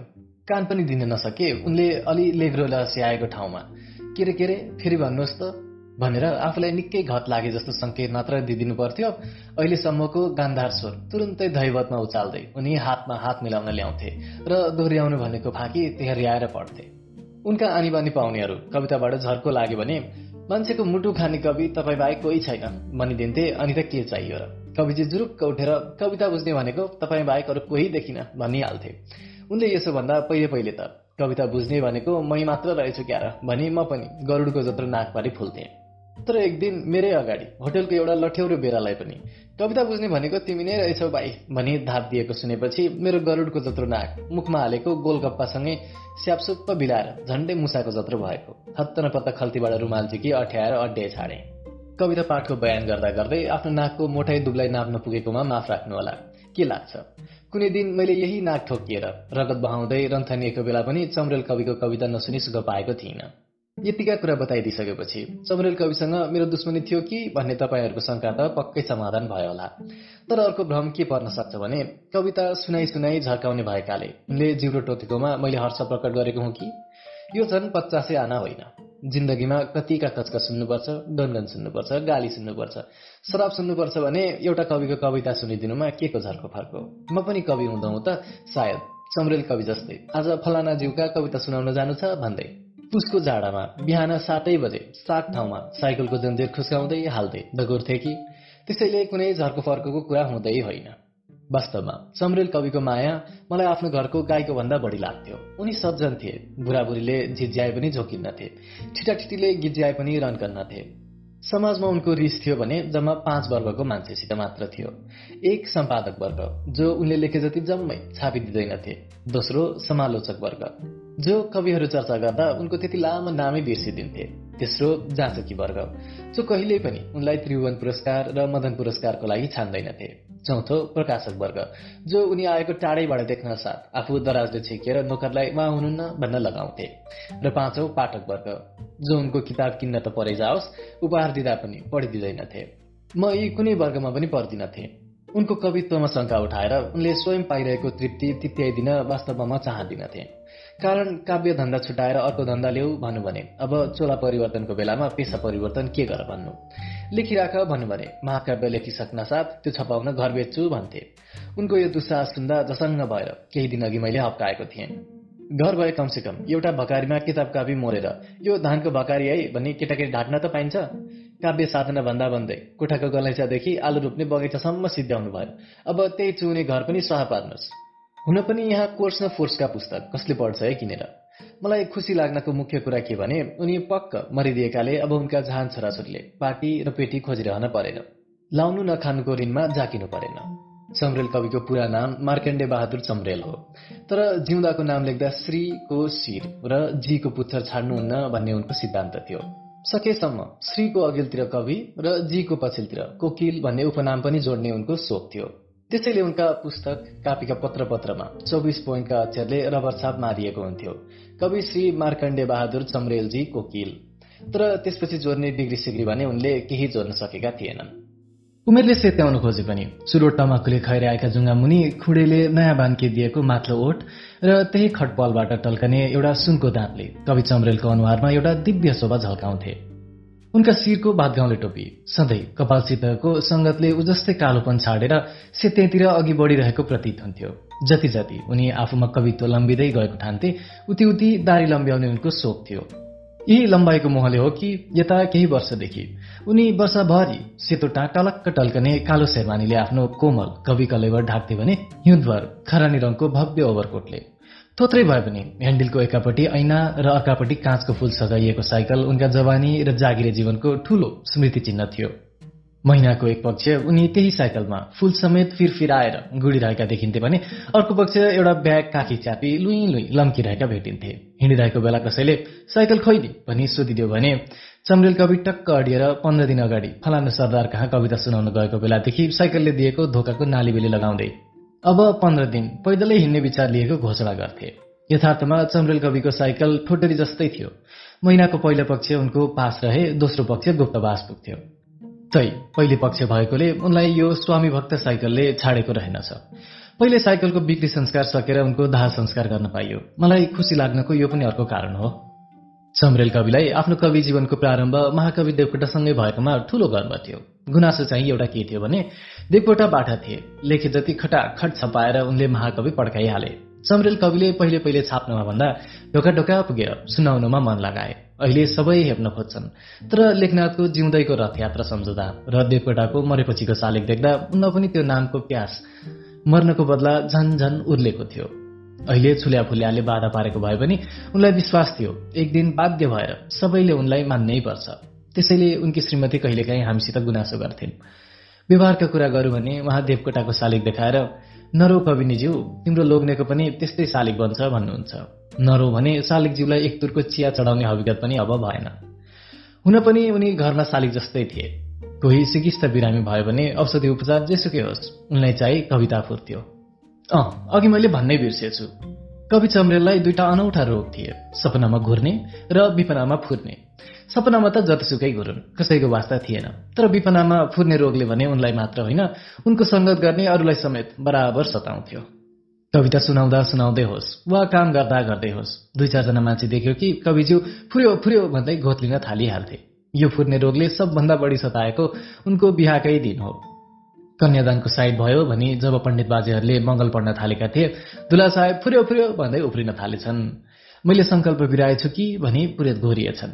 गोडो सानो भयो कि? भनी दुलैका बाबु घोत्लिएछन् दुला शङ्का परेछन् कि? भनी दर्शक महिलाहरू खिलखिलाउन थालेछन्।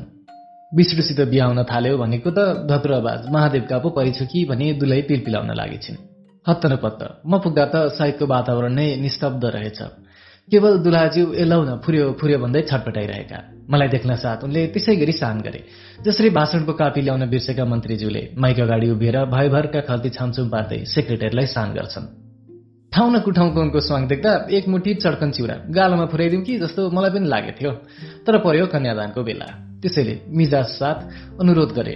यो लगनको बेला कहाँ कविता लेख्ने कविजी? फुरेको भए अहिले मनमा नै फुराइराख्नुहोस् पछि लेख्नु होला तै बिचराले तुरन्त अनुरोध मानेर कन्यादानको लागि हात तेर्स्याइदिए सक्कली कविको चरणोदक पान गर्न पाएछौ भनेर होला दुलैका आमा बुबा समेत सबै मुखामुख गरेर मुसुक्क हाँसे। पछि यज्ञमा चाहिँ दुई तिन पटक कलम कापी लिएर घोत्लिरहेको देखेथे। चमरेल कवि धर्मले मात्र होइन स्वभावले पनि सनातनी थिए र भावले पनि सनातनी। कसैले जमाना अनुसार अलिकति बदलिनुपर्छ कि कविजी? भन्यो भने उनी रन्किएर जवाफ दिन्थे मलाई के अवसरवादी कवि ठान्यौ त्यसैले उनको कवित्वबारे टिप्का टिप्पणी गर्नु बेकार थियो। तर एउटा कुरो पक्कै हो। उनका कवितामा केटाकेटीले पनि छर्लङ्ग बुझ्ने प्रसाद गुण हुन्थ्यो। उनी जुनसुकै वाणिक छन्दलाई पनि आफ्नो मुख जमानीले टाक्क टुक्क मिलाउन सक्थे। मातृक छन्द मातृजातिको छन्द हो र झ्याउरे भनेको कवितामा उम्रेको झ्याउ हो भन्ने उनको विश्वास थियो। अन्त्यानुप्रास मिलाउनु त उनको निम्ति हजामलाई छुरी मिलाउनु जस्तै थियो। उनी कहिले तन्नेरलाई सम्बोधन गर्दै जनाउदिन्थे आन्द्रा खत्तम हुन्छ सुपारी खाए। कहिले तरुणीलाई सम्बोधन गर्दै चेतावनी दिन्थे चिप्लिन्छ सारी त सिलिक लाए हुन त उनको क्लिप कभर छापिन सकेको भए युवतीहरूलाई क्लिप किन्न क्याटलग पल्टाइरहनु पर्ने नै थिएन। तर श्रृङ्गारी कवितामा भन्दा राष्ट्रवादी कवितामा उनको प्रतिभा आँसु गतिले पोखिन्थ्यो। जम्मा पच्चिसवटा शब्दले पचासवटा कविता बनाउन सक्नु उनको कवित्वको अर्को विशेषता हो।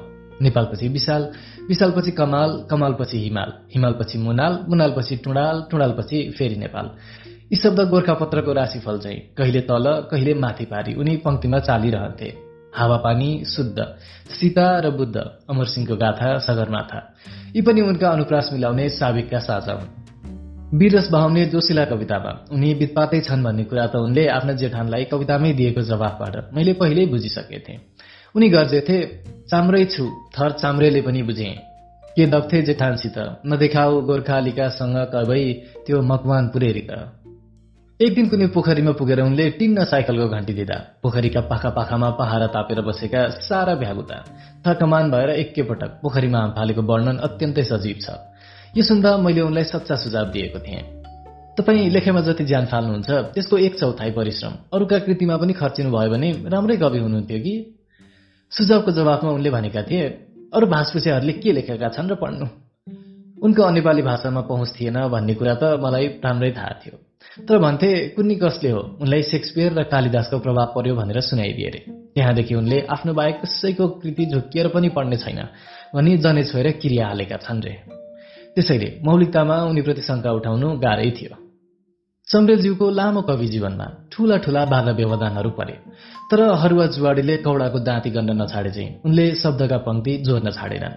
उनले समाजलाई के दिए र समाजले उनलाई के दियो त्यसको हरिसाब गर्नेहरूले गर्दै गर्ला मेरो चर्मचक्षुले देख्दा त उनले कवि बनेर जिन्दगीभरमा कमाएको एउटा धन एक तोला सुवर्ण पदक थियो जो घर बसुन्जेल पारदर्शक प्लास्टिकको खोलमा उनको सिरानीमाथि झुन्डिरहेको हुन्थ्यो। बाहिर निस्कदा शेरवानी वा ओभरकोटको भित्री बगलीमा जतन साथ घुसारी निस्कन्थे।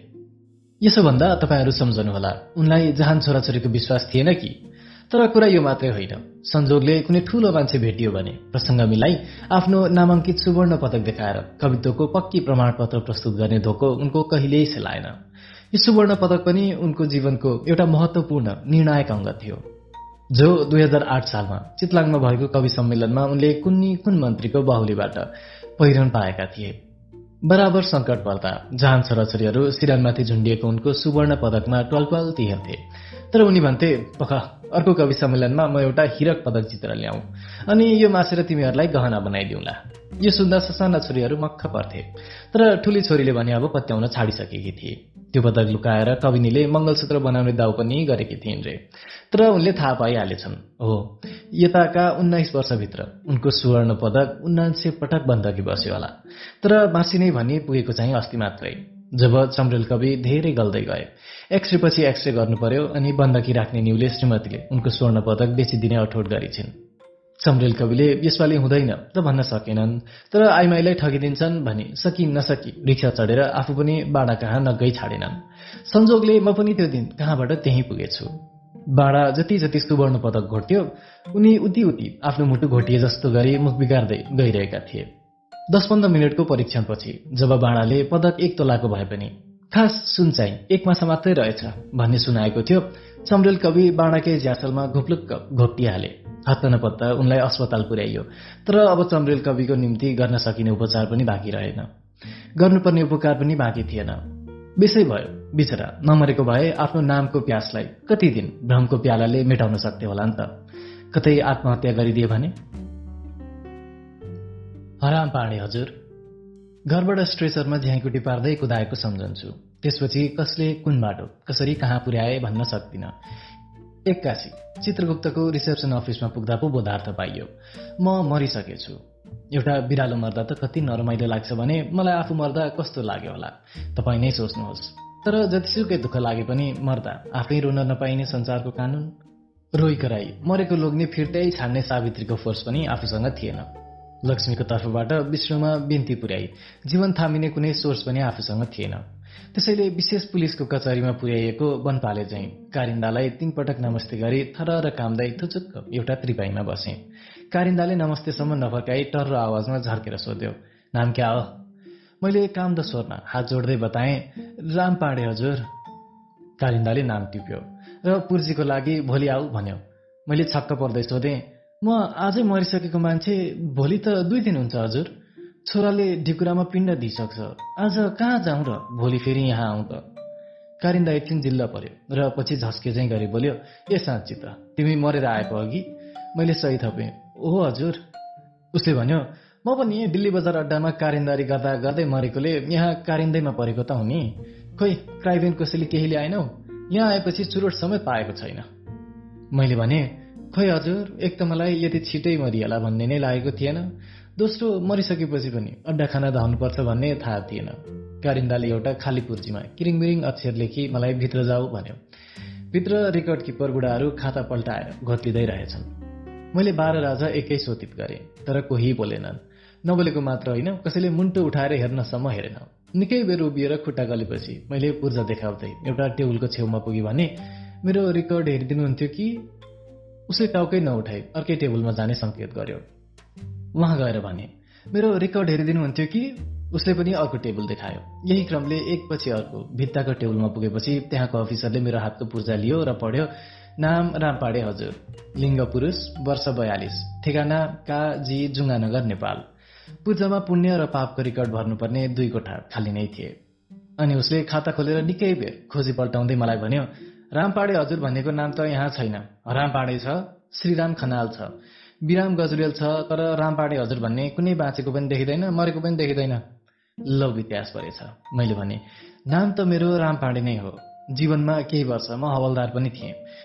त्यसबेला ह थुप्ला रामपाडे भनी आफ्नो दर्जा जनाउने पनि गर्थे। सायद चित्रगुप्तको कार्यालयमा त्यसै बेलाको रेकर्ड लेखिन गएछ कि? सु कुलबहादुरको बीचको बिन्दु छुट्दा सुकुल बहादुर भए जे ह। रामपाडेको हरामपाडे हुन के बेर? आखिर कारिन्दे अक्षर नहुन्। मैले नम्रतापूर्वक निवेदन गरे। उनले रिसाएर भने लिखितमको अगाडि बकितम चल्दैन बुझ्यौ? यो चित्रगुप्तको रेकर्ड अड्डा हो। गुइठा कर्पोरेसनको जथाभावी अफिस हो र तिमीले जे भन्यौ म त्यही पत्याउ। पूर्जामा रामपाडे हजुर छ। रेकर्डमा हराम पाडे छ। कसरी कारवाही गर्ने? मैले डराई डराई सुझाव टक्राएँ कि रेकर्डमा पछि थोप्लो थपेर सच्याउनु पर्यो? कि पूर्जामा नाम अघि दर्जा जनाई सच्याउनु पर्यो।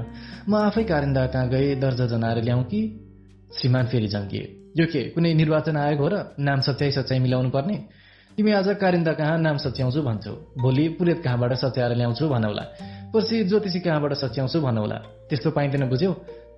तिम्रो रेकर्ड लेख्ने अफिसर उहिले बैतरेडीको घाटे चौकीमा सरुवा भइ गइसक्यो मैले विनम्रतापूर्वक सोधेँ त्यसो भए म कहाँ जाउँ त श्रीमान? बुढाले च्याठिँदै पूर्जामा रातो मसीले लेखिदिए यो नाउँको मान्छे खातामा नभएकोले कारवाही गर्न नमिल्ने। म पूर्जा लिएँ पालेले रोक्दा रोक्दै पनि चित्रगुप्तकै मूल अफिसमा पुगेँ र भने बाँचुन्जेल त अड्डा अड्डा घुम्नु पर्यो पर्यो। मरेपछि पनि पूर्जामा यस्तो तोक लागेर अलपत्र पर्नु पर्यो श्रीमान। चित्रगुप्तजीले पूर्जा र तोक हेरी हरियो मसीले अर्को तोक लगाइदिँदै भने मृत व्यक्तिको तीन पुस्ते बुझ्न पुस्ता विभागलाई एउटा चिठी पठाउनु र आर्यघाटको घाटे चौकीलाई पनि एक तार गरेर एकपटक सोध्नु। तर उत्तर नआउन्जेल मैले कसरी पर्खने भन्ने बारे चाहिँ उनले पनि केही लेखेनन्। चित्रगुप्त कार्यालय चौबिसै घण्टा खुला हुने र कर्मचारीको सिफ्ट मात्र बराबर बदलिरहने भएकाले म बाह्र दिन त्यसै हलमा लिएँ। दिनभर यो अफिस र अफिस घुम्दै आफ्नो नाम तहकिकात गर्ने काम छँदै थियो। चार पहर रात ढोकामै उभिएर बिताइदिन्थे। बाह्रौँ दिनको दिन एउटा अर्को समस्या आइलाग्यो। मेरो शुद्धि शान्तिमा। छोराले मेरो नाममा दान गरेको ओड्ने ओछ्याउने भाँडाकुँडा र लुगाफाटो कहाँ पुर्याउने भनी धर्म मन्त्रालय अन्तर्गतको दान प्रदान बन्दोबस्त अड्डाले चित्रगुप्त कार्यालयलाई सोधी पठाएछ। चित्रगुप्तले चिट चिट पसिना निकाल्दै मलाई बोलाएर सोधे तिम्रो नामको त हुँदैछ। नहुन्जेल। तिम्रो अन्तरिम व्यवस्था गर्नु पर्यो नढाँटिकन भन। तिमीले कुनै पाप गरेका थियौ कि थिएनौ? मैले भने पाप गरेको त थिइनँ श्रीमान। उनले सोधे के कुनै पुण्य गरेका थियौ त? मैले भने नभएको धाक लगाउनु हुँदैन। मैले कुनै धर्म पनि गर्न सकेको थिइनँ श्रीमान। चित्रगुप्त अकमक्क परे। उनको असिस्टेन्टले गर्जिएर मलाई झाँट्यो। धर्म पनि गरेको छैन रे पाप पनि गरेको छैन रे। बयालिस बयालिस वर्ष के गरेर बसिस् त? मैले भने बस्न त कहाँ पाएर हजुर? कहिले चाकरी गरेँ कहिले नोकरी गरेँ। कहिले मुद्दा गरेँ कहिले सुर्ता गरेँ। कहिले बिहा गरेँ कहिले तलाक गरेँ। आखिर जीवनभर जे जति गरेँ दुखै गरेँ श्रीमान। चित्रगुप्तले मलाई आवेशमा नआउने सल्लाह दिँदै फकाए। होइन पाण्डेजी जिन्दगीभर केही न केही धर्म त अवश्य गर्नुभयो होला। सम्झनुहोस् न। मैले भने मैले बाचुन्जेल गरेका कुरा प्राय बताइहालेँ। तिनैमध्ये कुनै काम धर्मको थियो कि पापको थियो श्रीमानले नै छुट्याइदिनुपर्छ। मेरो जवाब सुनेपछि चित्रगुप्तजी निकै घोरिए र असिस्टेन्टलाई बताउन थाले। यिनले गरेका सम्पूर्ण कामहरू नोट गर र तीमध्ये कुनै धर्मभित्र या पापभित्र पर्छन् कि निरूपण गरी पठाइदिनु पर्यो भने पापुण्य प्रमाण प्रतिष्ठानलाई तुरन्त लेखी पठाऊ। जवाफ नआउन्जेल यिनका गुन्टा गुन्टुरी कतै नपठाउनु भने दान प्रदान बन्दोबस्त अड्डालाई पदार्थ पठाइदेऊ। तदनुरूप टिप्पणी लेखिए चिठी लेखिए। म अझै त्यहीँको त्यहीँ भएँ। सात दिनपछि म फेरि चित्रगुप्तको बैठकमा बोलाइएँ। उनले भने आर्यघाट चौकीले हराम पाडे हजुर भन्ने कुनै मान्छेलाई यहाँबाट पठाइएको छैन भन्ने जवाफ पठाएको छ। तिन पुस्ते बुझ्दा पाडे हजुर भन्ने कुनै थर नेपालमा नभएकोले र जात धर्म र सम्प्रदाय नछुट्याए। पापुण्यको विवेचना गर्न मिल्दैन भने पापुण्य प्रतिष्ठानले लेखी पठाएकोले तिमी हिन्दू हौ कि होइनौ? भन्ने शङ्का उठेको छ। तिमीसित हिन्दुत्वको कुनै पक्का प्रमाण छ कि? मैले जनै देखाएँ टुप्पी देखाएँ। चित्रगुप्तले भने जनै र टुप्पी विधर्मी हिप्पीहरूले पनि राख्न थालेकाले। अचेल यिनको प्रमाण लाग्दैन। हिन्दूमा पनि सम्प्रदाय धेरै छन् जात धेरै छन्। तिमी ठ्या हौ कि म ठ्या हौ? मलाई अत्यन्त रिस उठ्यो र चर्किएँ।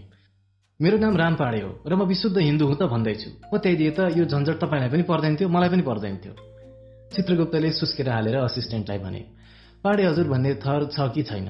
त्यो हिन्दू हो कि होइन बुझी सात दिनभित्र प्रतिवेदन पेश गर्न स्वर्गका वरिष्ठ पण्डितलाई बोलाइ। उनको अध्यक्षतामा एउटा कमिसन बनाइदिनु। र त्यस कमिसनमा थर गोत्रावलीका लेखक शिखरनाथलाई पनि सदस्य राख्नु। असिस्टेन्टले चिठीहरूको मस्यौदा गरे। म फेरि बसेको बहसै भएँ। त्यही मरिसकेकोले खानपिनको झन्झट थिएन र मात्रै जिउँदै भएको भए त्यहाँ कुर्दा कुर्दै सिल्टिमुर चपाइसक्थे र मैले एउटा के थियो भने दिनहुँ थुप्रै मरेका मान्छे ल्याइन्थे।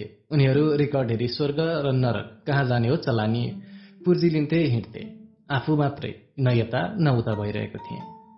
पैँतालिस दिनपछि एक दिन मलाई बोलाएर चित्रगुप्तले भने सबै बुझ्दा विचारता तिम्रो नाम रामपाडे नै भन्ने र धर्म हिन्दू नै भन्ने ठहरिए तापनि रेकर्डमा तिम्रो पाप केही नभएकोले नरकमा नपठाउनु भनी यमराजले लेखी पठाए।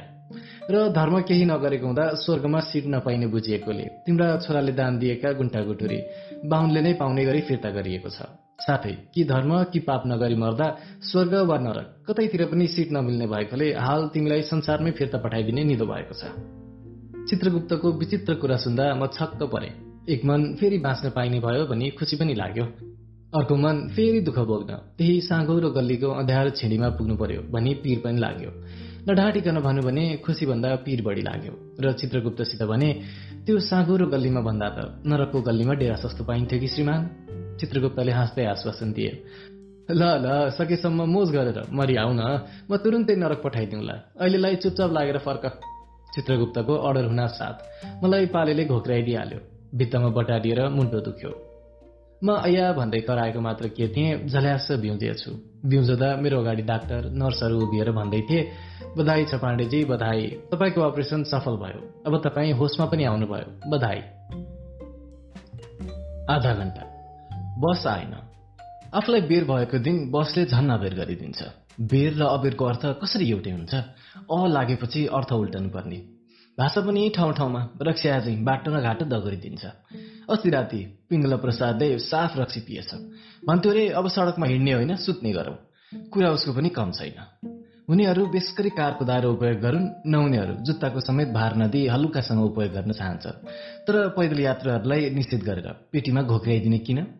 सायद यही असमानताको विरुद्ध रक्षा क्रान्ति गर्छ। सडकभरि भरि भएर सडकको उपयोग गर्छ। तन्द्रङ्ग सडकमै सुतेर स्वतन्त्र सपनाको उपभोग गर्छ।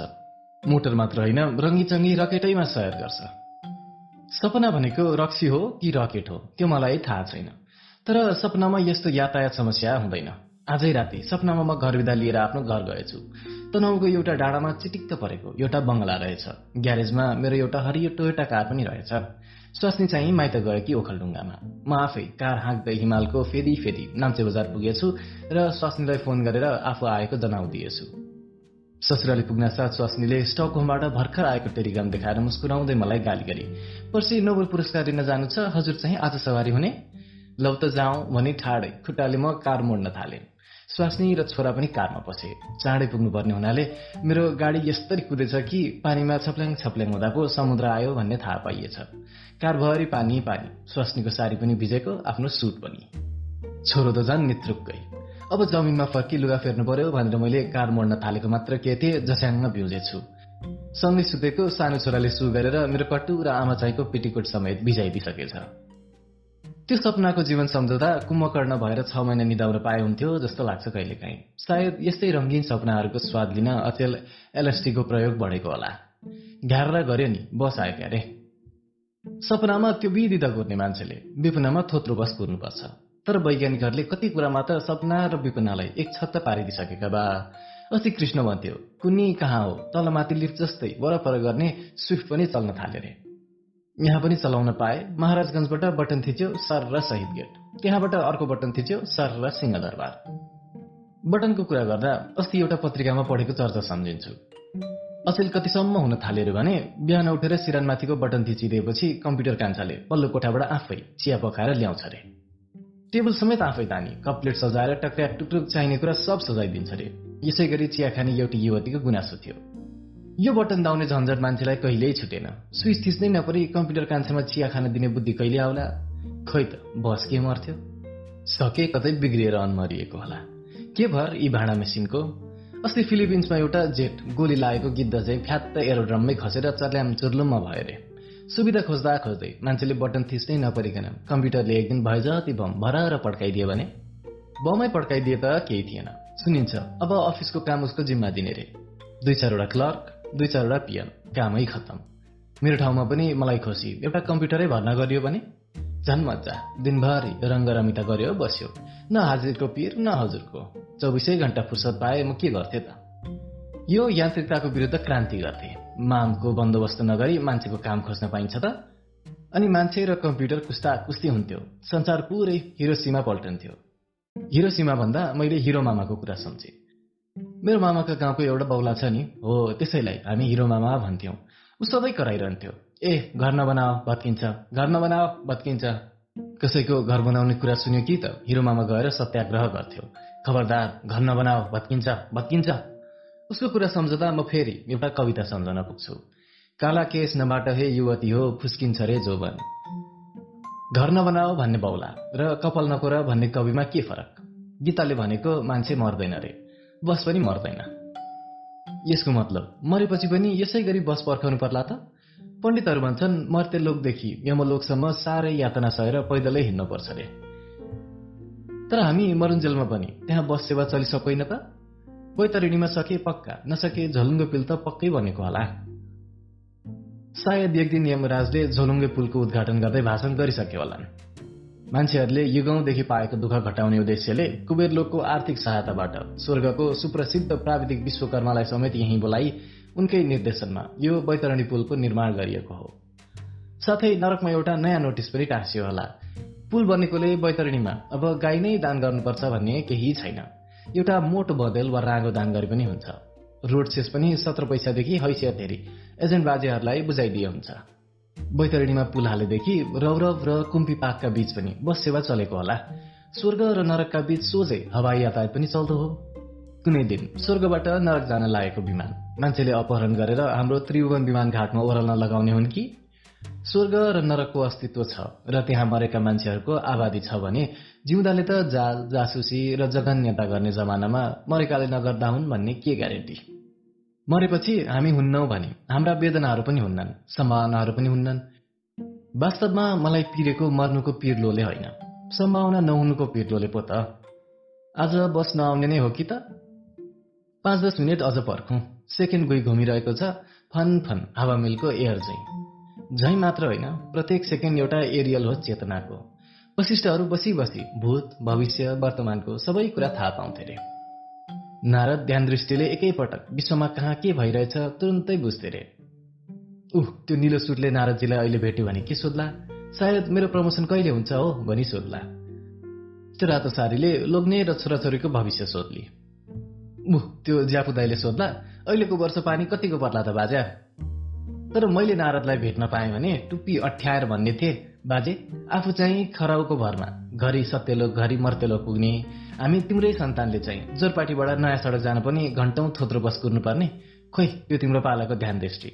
खोइ त्यो मन्त्र शक्ति सब आफैले मासेर सिद्ध्याइदेऊ। शाखा सन्तानलाई केही जेथा छाडिदिनु पर्दैन थियो। त्यो मान्त्रिक जेथा पाएको भए म यो यान्त्रिक दुनियाँमा किन हविगत खानु पर्थ्यो मनको जुन गति छ त्यसको सयकडा पच्चिस मात्रै पनि तन्न सार्न पाए मैले जाने थियो खोइ त आएन बस। म लुई लुई हिँडेर गएको भए पनि यस बेला महाङ्काल पुगिसक्ने। महाङ्काल भाटभटिनी पनि उड्थे रे बाबै। स्वतन्त्रसँगै उड्न दिँदा बम वर्ष विमानले चाहिँ जथाभावी बिगो गर्लान् भनेर बडै सिक्रीले बाँधेका रे तान्त्रिकहरूले। भाटबटिनी कहिले भुइँमा खुट्टा नटेक्ने रे। बाँध्दा पनि ऊ एक हातमाथि तन्त्रङ्ग खुट्टा झुन्ड्याएर उभिरहेछ। महर्षिसँग मन्त्र माग्नु र वैज्ञानिकसँग यन्त्र माग्नु भन्दा आफ्नै तन्त्रको विकास गर्न पाए कसो होला? खै जामुना गुबाजी बाह्र वर्षे इनार खोल खाल पार्नु पर्यो। केही तन्त्र लुकाइदिइराखेको छ कि? तान्त्रिक दुनियाँ फेरि आयो भने म के बस हुँ? भात खाएर लुगा सुगा लगाई एउटा तन्त्र जप्दै कलम टिप्थे। बिर्को उगार्ने बित्तिकै अफिसको हाजिर कापी अगाडि पर्थ्यो।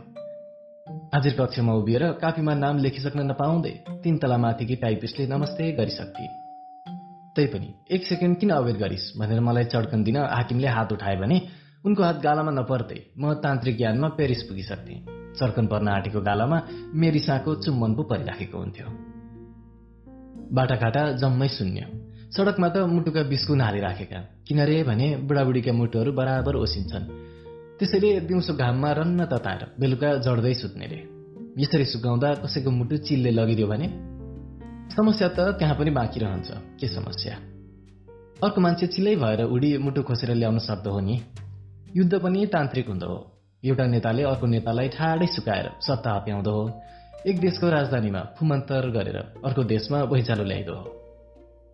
यस्तैमा एक दिन पृथ्वीलाई नै फुक्दा फुक्दा फुक्दा सानो गुच्चा जत्रो पारेर समुद्रका छालभित्र फुत्त फालिदिन्थ्यो कि कुनै तान्त्रिकले? केही बेरै छैन। फेरि कसैले बराहको अवतार लिई दाँडामा पृथ्वी च्यापेर नयाँ इतिहासको सुरु गर्नुपर्ने पो हो कि? घुम्दो पृथ्वीको इतिहास फेरि घुम्न के बेर? साह्रै बेर भयो बस आएन। अफिसमा हाकिम खोज्दै होलान् हरिप्रसाद खोइ त अझै आइपुगेको छैन? गर्ज दाहुन ठोक गयल त्यसलाई। के अड्डा भनेको कर्मचारीको ससुराली हो? उनको पनि ससुराली जानुपर्छ क्यारे आज। सालीको बिहा भन्थे साली चाहिँ त राम्रै हो। उसको मुस्याक मुसुक मोनालिसाको जस्तै छ। रोममा त्यो मेरी गाइड थिए नि एउटी। ऊ भन्थे मोनालिसा कुनै आइमाई होइन जिन्दगीकै चित्र हो। तर भिन्ची अब पुरानो भइसक्यो अरे। साँच्ची नारदको टुपी आइन्स्टाइनको टाउको। पिकासोको आँखा घण्टा कर्णको कान हनुमानको चिउँडो आमस्ट्रङको ओठ उर्वशीको गाला सोक्रेटिसको नाक काफकाको कन्सर्ट लेनिनको दारी कामदेवको रूप बर्नाट शाहको रङ जामुनाको बाजुको जन्तर भानुभक्तको टोपी सबै मिलाएर एउटै चित्र बनाउनु नि कस्तो होला? मान्छेकै चित्र बनाउने हो भने म त भन्छु टाउको टेकेर कुद्ने खुट्टा टेकेर पर्खने मान्छेको चित्र बनाउनु पर्ला कि? उह बस आयो। सम्भावित दुनियाँ। कली भन्ने शब्द सुन्न साथ आर्यघाटमा कम्मरसम्म गाडी रहेको विरूपाक्षको शालिक सम्झन्छु त्यस मूर्तिबारेका अनेकौं किम्बदन्ती सम्झिन्छ। ऊ आफ्नै आमासित सल्केको पापले त्यसरी गाडिएको रे। त्यसले खुट्टा टेक्न साथ संसारमा प्रलय हुन्छ रे। केटाकेटीमा बुढियाहरू भन्थे प्रलय हुने अघि मध्यकली आउँछ रे। र त्यस बेला मान्छे खिँदा खिँदा खिँदा बडकोलामा अडेसा लाग्ने जत्रो भइसकेको हुन्छ रे। बडकौलामा अडेसा लाग्ने मान्छे कत्रो होला? बोका बाख्राका बडकौला सम्झिन्छ। बडकौला मात्र भनेर पनि कहाँ हुन्छ? इजरायली बाख्राको लम्कन्ना खसीको र सानो पाठाको कुन चाहिँको बडकौला? सम्झौँ नेपाली बुढी बाख्रीकै बडकौला। सरदर बदामको एउटा गेडा जत्रो भड्काउला ल भन्नुहोस् त्यसमा अडेसा लाग्ने मान्छे कत्रो होला? केटाकेटी बेलाको यो कुतुहल अहिले पनि कहिलेकाहीँ आएर जिस्क्याउँछ। यो चन्द्रमाको दैलो खोलिएको युग। मङ्गलतिर पखेटा चालेको जमाना। अनि शुक्रतिरको बाटो खोज्दै रहेको बेला मान्छे र उसको संसारको विशालताबारे सोच्नुपर्ने। कताबाट यो निराधार किम्बदन्ती सम्झन पुगेको। मध्यकलीमा मान्छे बडकोलामा अडेसा लाग्ने हुन्छन् रे। सम्भावना किन यसरी खुम्चेको? सम्भावना हो र मन खुम्चेको। मन खुम्चदै गएपछि संसार जतिसुकै विस्तार हुँदै जाओस् मान्छे खिँदै जान के असम्भव? सोच्दा सोच्दै अघिल्तिर स्वेटर बुनिरहेकी आफ्नै स्वास्नी खुम्चिँदै पानीको गाग्रा जत्रै देखिन्छे म झस्किएर आँखा मार्छु। उत्तिन माने कसौडी जत्रै थेप्चिन्छे कुचो जत्रै दाउरिन्छे। म जति जति झिस्कदै हेर्छु उति उति मेरी स्वास्नी खुम्चिँदै खुम्चिँदै लोरो जत्री र लोरी जत्री हुँदै हुँदै चुस्ता चुस्ती चाउरिएको आफ्नै दुधको मुन्टो जत्रै हुन्छे र एउटै बड्कौलामा अडेसा लागेर मुसुक्क हाँस्छे। केटाकेटीहरू झिङ्गा भएर जुम्बिन्छन् कागको बच्चा घिउ कमिलो जत्रो भएर दुध खान थाल्छ। म यसो वरपर हेर्छु झ्याल तालको प्लाल जत्रै देखिन्छ। पाँचजना सुत्न पुग्ने बडे पलङ एउटा झिङ्गटी जत्रो। टेबुल पाटन औद्योगिक क्षेत्रबाट बनेको सलाइको बट्टा जत्रो। भित्ताको ऐना बालुवाको एउटा सानो पारो जत्रो। झसङ्ग भएर हेर्छु आफू त आशा चुरोटको आधा अमलको ठुटो जत्रो भएर तीन छेसको सलाइको त्रिपाई बनाई आष्ट्रे जत्रो कोठामा मग्नसित पल्टिरहेको। टिक ए टिक म उठ्छु। पेन्टर्सको गुलुब जत्रो मेरो साथी टिप्लिक्क सिकार खेल्न जान्छस्? भन्दै भित्र पस्छ। मेरी स्वास्नी उसलाई अडिसा लाग्न एउटा ठूलो बडकौला राखिदिन्छे। टिप्लिक बस्दै गीतको आधा फाकी गुनगुनाउँछ। कनिके आँखा नानीका ज्यादै टिप्लिक निकै लहडी मान्छे हो। सिकारमा उसको ठूलो सोख छ। हामी करेसातिर गयौं। त्यहाँ एउटा अजङ्गको भान्टाको रुख थियो। टिप्लिक त्यही रुख चढ्यो र हाँगामा लुकेर फितकौलीको एकै फायरमा उसले दुईटा पुतली खसाल्यो। तर यो मेरो च्याम्पटी जत्रो बडेमानको भुडीले रुख चढ्नै अप्ठ्यारो पार्छ। त्यसैले मैले भने टिप्लिक म रुख चढ्न सक्दिनँ। सधैँ पुतलीकै शिकार खेल्नुपर्छ भन्ने के छ र? आज चिप्ले किरा नै हानु न। खतरा पनि कम मासु पनि थुप्रै। हामी मासु पोलेर खाँदै थियौँ। एकछिनपछि एउटी सेतै फुलेकी फर्सीको बिहा जत्रै बुढिया भित्र पसिन् एउटा भुसुना जत्रो बच्चालाई तुनाको एक छेउ जत्रो डस्नामा गुटमुट्याएर मलाई देखाउँदै भनिन् नाति नै जन्म्यो टिक हेर कति गतिलो छ। लौ टिप्लिक नानी पनि यही रहेछन्। नाति पाएकोमा बधाई आमै। ओहो तपाईँ त निकै फुलिसक्नु भएछ। नदेखेको पनि पाँच दिन भइसक्यो क्यारे? टिप्लिक एकै सासमा भन्छ। हामी उनलाई बस्नुहोस् न भनी ठाउँ खनाइदिन्छौँ तर उनी हाम्रो खाटतिर नआए। भुइँमा ओछ्याइराखेको भोगटेको पातमा फचक्क बस्दै भन्छन् ले न दुलै एउटा बट्कौला। अब त सकिँदैन बा अडेसा नलागे। टिप्लिक बाबु मलाई सेतै फुली छ भन्छ। अब के नफुलु उमेर पनि त उन्चास दिन दस घन्टा तिन मिनट खाइसक्यो उनी बड्कलाको अडेसामा सजिलोसित बसेर बच्चा काखमा राख्दै भन्छन् हाम्रा उमेर त तिमीहरू उठ्नै सक्दैनौ नानी हो काल खिँदै जान्छ। काल खिने होइन आमा मान्छे खिँदै जान्छ टिप्लिक भन्छ। मान्छे खिने होइन आमा मन खिइन्छ म संशोधन गर्छु। बुढिया उसिनेको सामाको गेडो चिमटेर नातिको मुखमा हालिदिन्छन्। शिशु मुसुक्क हाँस्छ। मरे बाबा भन्दै स्वास्नी पिक्लिक्क आँखा पल्टाउँछे। सबै जराक जुरुक उठेर राम राम भन्छन्। म उसको नाडी र छाती छामछुम पार्छु। कुन्सड्का कुन्सड्का एउटा झुसुल किराले उसको खुट्टामा डसिसकेछ। उसले एक थोपा पानी पनि खान पाइन। राम राम राम राम। घिच्याउँदै हामीले उसलाई बाहिर निकालेको मात्रै के थियौँ? एउटा कौवा आएर टप्प लास टिपी भर्र उड्यो। बिचरीको बैकुण्ठ बास होस् बुढी अन्तिम आशिक दिँदै हिँडे। करिसाको कुलिसा निर एउटा जोडी आपसमा छिलिँदै थियो। सायद टिप्लिकले मेरी छोरी लगेछ क्यार। आमा मरेको बेला छोरीले के रोमान्स गर्न थाले कि होला? दुनियाँको अजीब ताल देखेर म घोत्लन थालेँ। एटिक के घोत्ती राखेको? मेरो छिमेकी किक्लिङ आत्तिँदै आइपुग्छ। थाहा पाइनस्? काली ल्यान्डका सिपाहीले हाम्रा भन्टाका बोटमा झट्टारो हानेछन्। एउटा हाँगै भाँचिएको छ। म जुरमुराउँदै उठ्छु। दुवैजना छलीको एकवटा लौरा लिएर निस्कन्छौँ। नभन्दै काले ल्यान्डका दसजना जति सिपाही हाम्रो बोटबाट एउटा भन्टा झारेर नोल लगाई कुदाउँदै रहेछन्। हामी हल्ला खल्ला गर्छौँ। धेरै जम्मा हुन्छौँ। सिपाहीहरू भन्टा त्यही छाडी दै लाग्छन्। घमासान लडाइँ हुन्छ। दुवै पक्षका सयौं मान्छे सोत्रामै हुन्छन्। केही दिनपछि क्लिक सुनाउँछ। यो ऐतिहासिक भण्डा युद्धमा एक देशका प्रधानमन्त्री ग्यास्टिकको ठूलो विजय भयो। यस विजयले एक देशको ठूलो सान रहेको छ। प्रधानमन्त्री श्री ग्यास्टिक गुहिएकिराको औदामाथि काँक्राका फूलको बडो टोप र सानो च्याउको छातामा निकै फुर्तिला देखिन्छन्। बलेसी निरको आमसभामा हामी उनको स्वागत गर्छौं। उनी भाषण गर्छन्।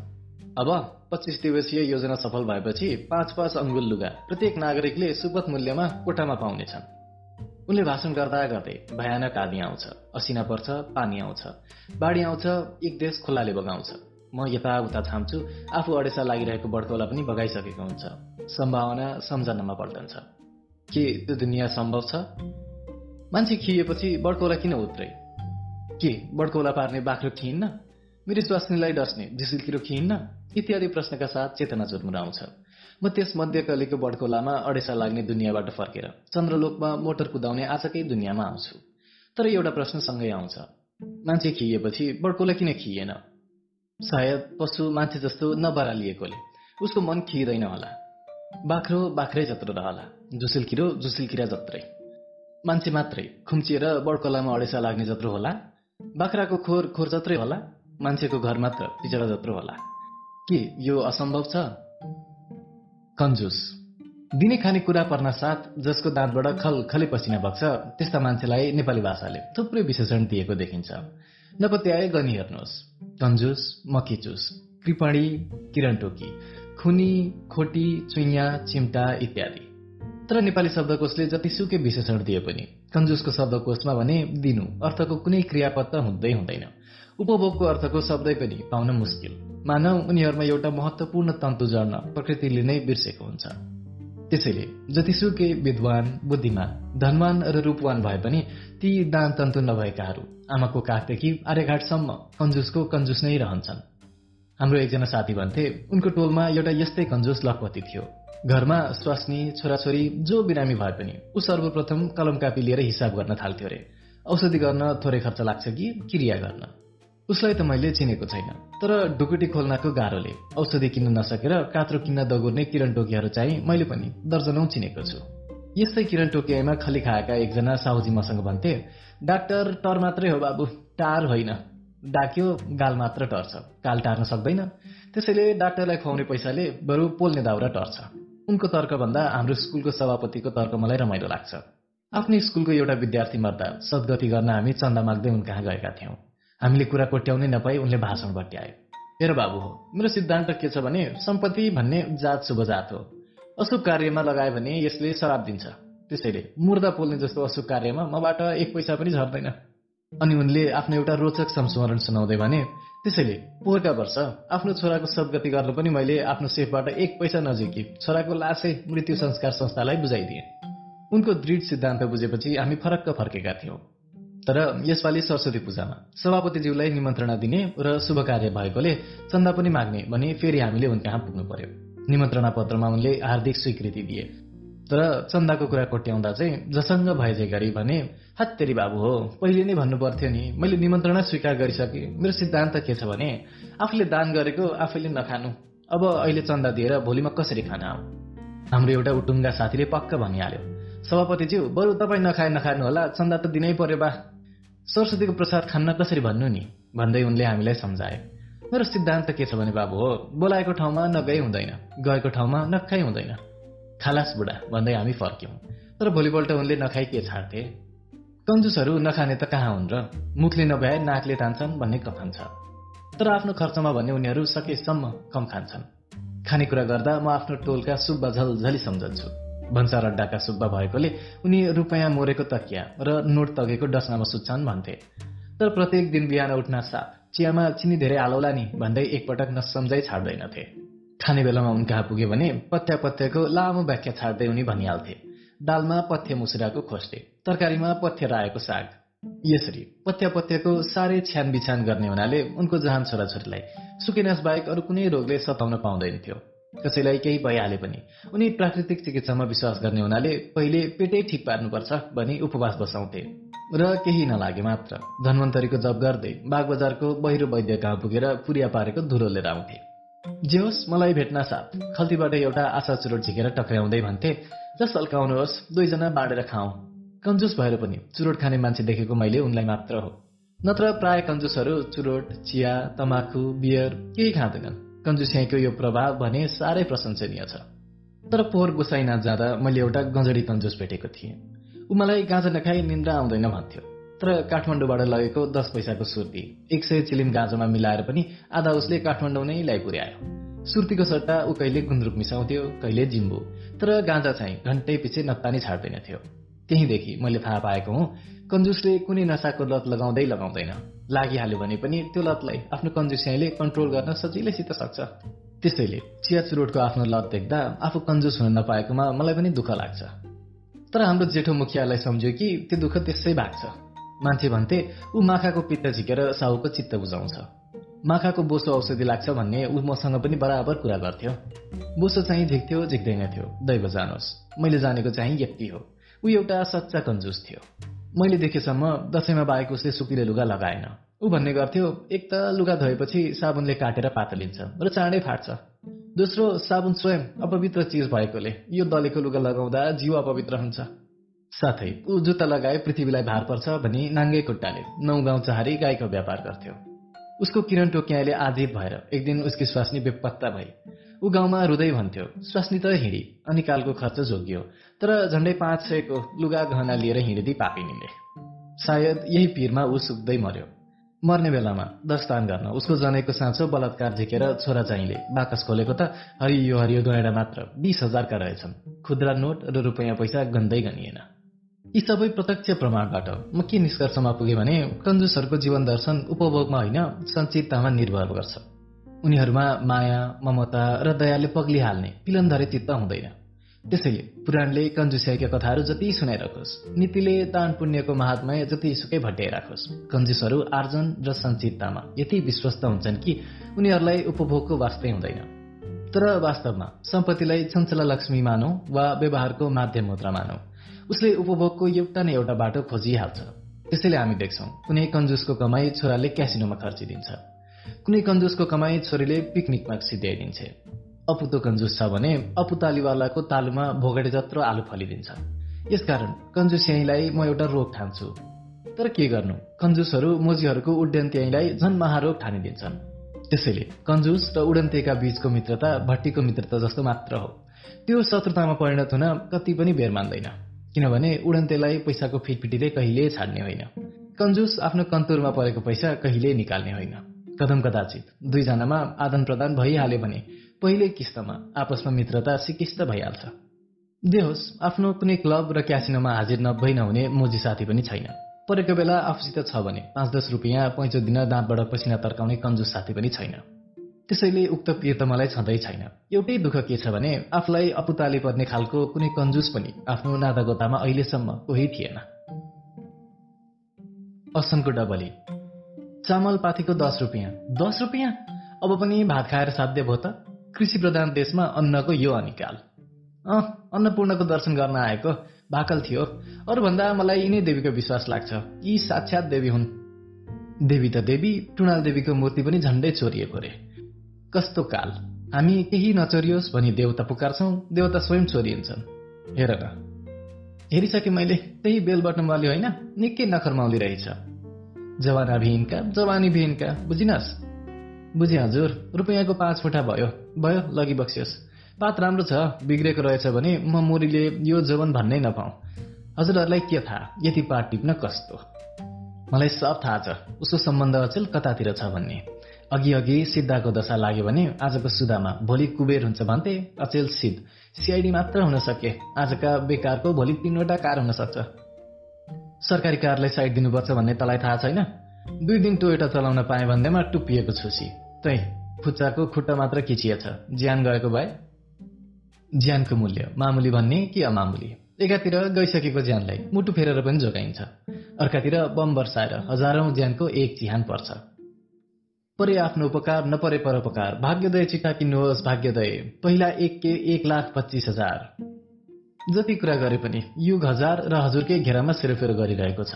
पेन्सन खाने बेलामा कारिन्दाले मोहर ताने जस्तो कारोबार यो के व्यापार? मैले त हङकङ नै ताकेँ। चालिस पचास हजार भनेको के हो र? दुईटा पैसा पनि हाम्रो निम्ति लाख जस्तै हो मालिक। भारी पनि त ठुलै छ नि। जो पायो उही भरिया लाउनु पनि हुन्न अचेल। हामी भनेका रैथाने भरिया। मालिक जस्ताको भारी बोक्दा बोक्दै बत्तीस वर्ष बितिसके। बेइमानी भनेको बाह्र दामको गरिएको छैन। इमान्दारी र बुद्धुपनको सीमारेखा कहाँनिर पर्छ कुन्नी? बिस वर्ष जागिर खाए बिस पैसा खाइन। अहिले जाउलो खान नसकेको देखेर सबै मलाई बुद्धु भन्छन्। तपाईँ नै भन्नुहोस् वास्तवमा म के हुँ? म भन्नु नै आत्मा हो। आत्मा नचिनी परमात्मासित साक्षात्कार हुन सक्दैन। भरे चार बजे यही अध्यात्म प्रवचन हुने भएको छ। महिला तथा सज्जन वृन्द महिलाले लुप लगाएर वा चक्की लाएर पुरुषले भ्यासेक्टोमी गरेर वा कन्डम लगाएर परिवार नियोजन युगको माग हो। यो युग पनि मगन्ते युग। हो कतै श्रम र चन्दा माग्यो कतै शास्त्र र सैनिक माग्यो कतै अन्न र पैसा माग्यो कतै स्वतन्त्रता र अधिकार माग्यो कतै बाटो र गैँडा माग्यो। जता हेऱ्यो मागा माग छ। हाम्रो माग पुरा नभए हडताल गर्ने योजना छ। योजना त तपाईँको राम्रै हो तर कुनै पनि योजनाले स्थायी शान्ति ल्याउला भने जस्तो मलाई लाग्दैन। शान्तिको लागि कति धनको खर्च भयो?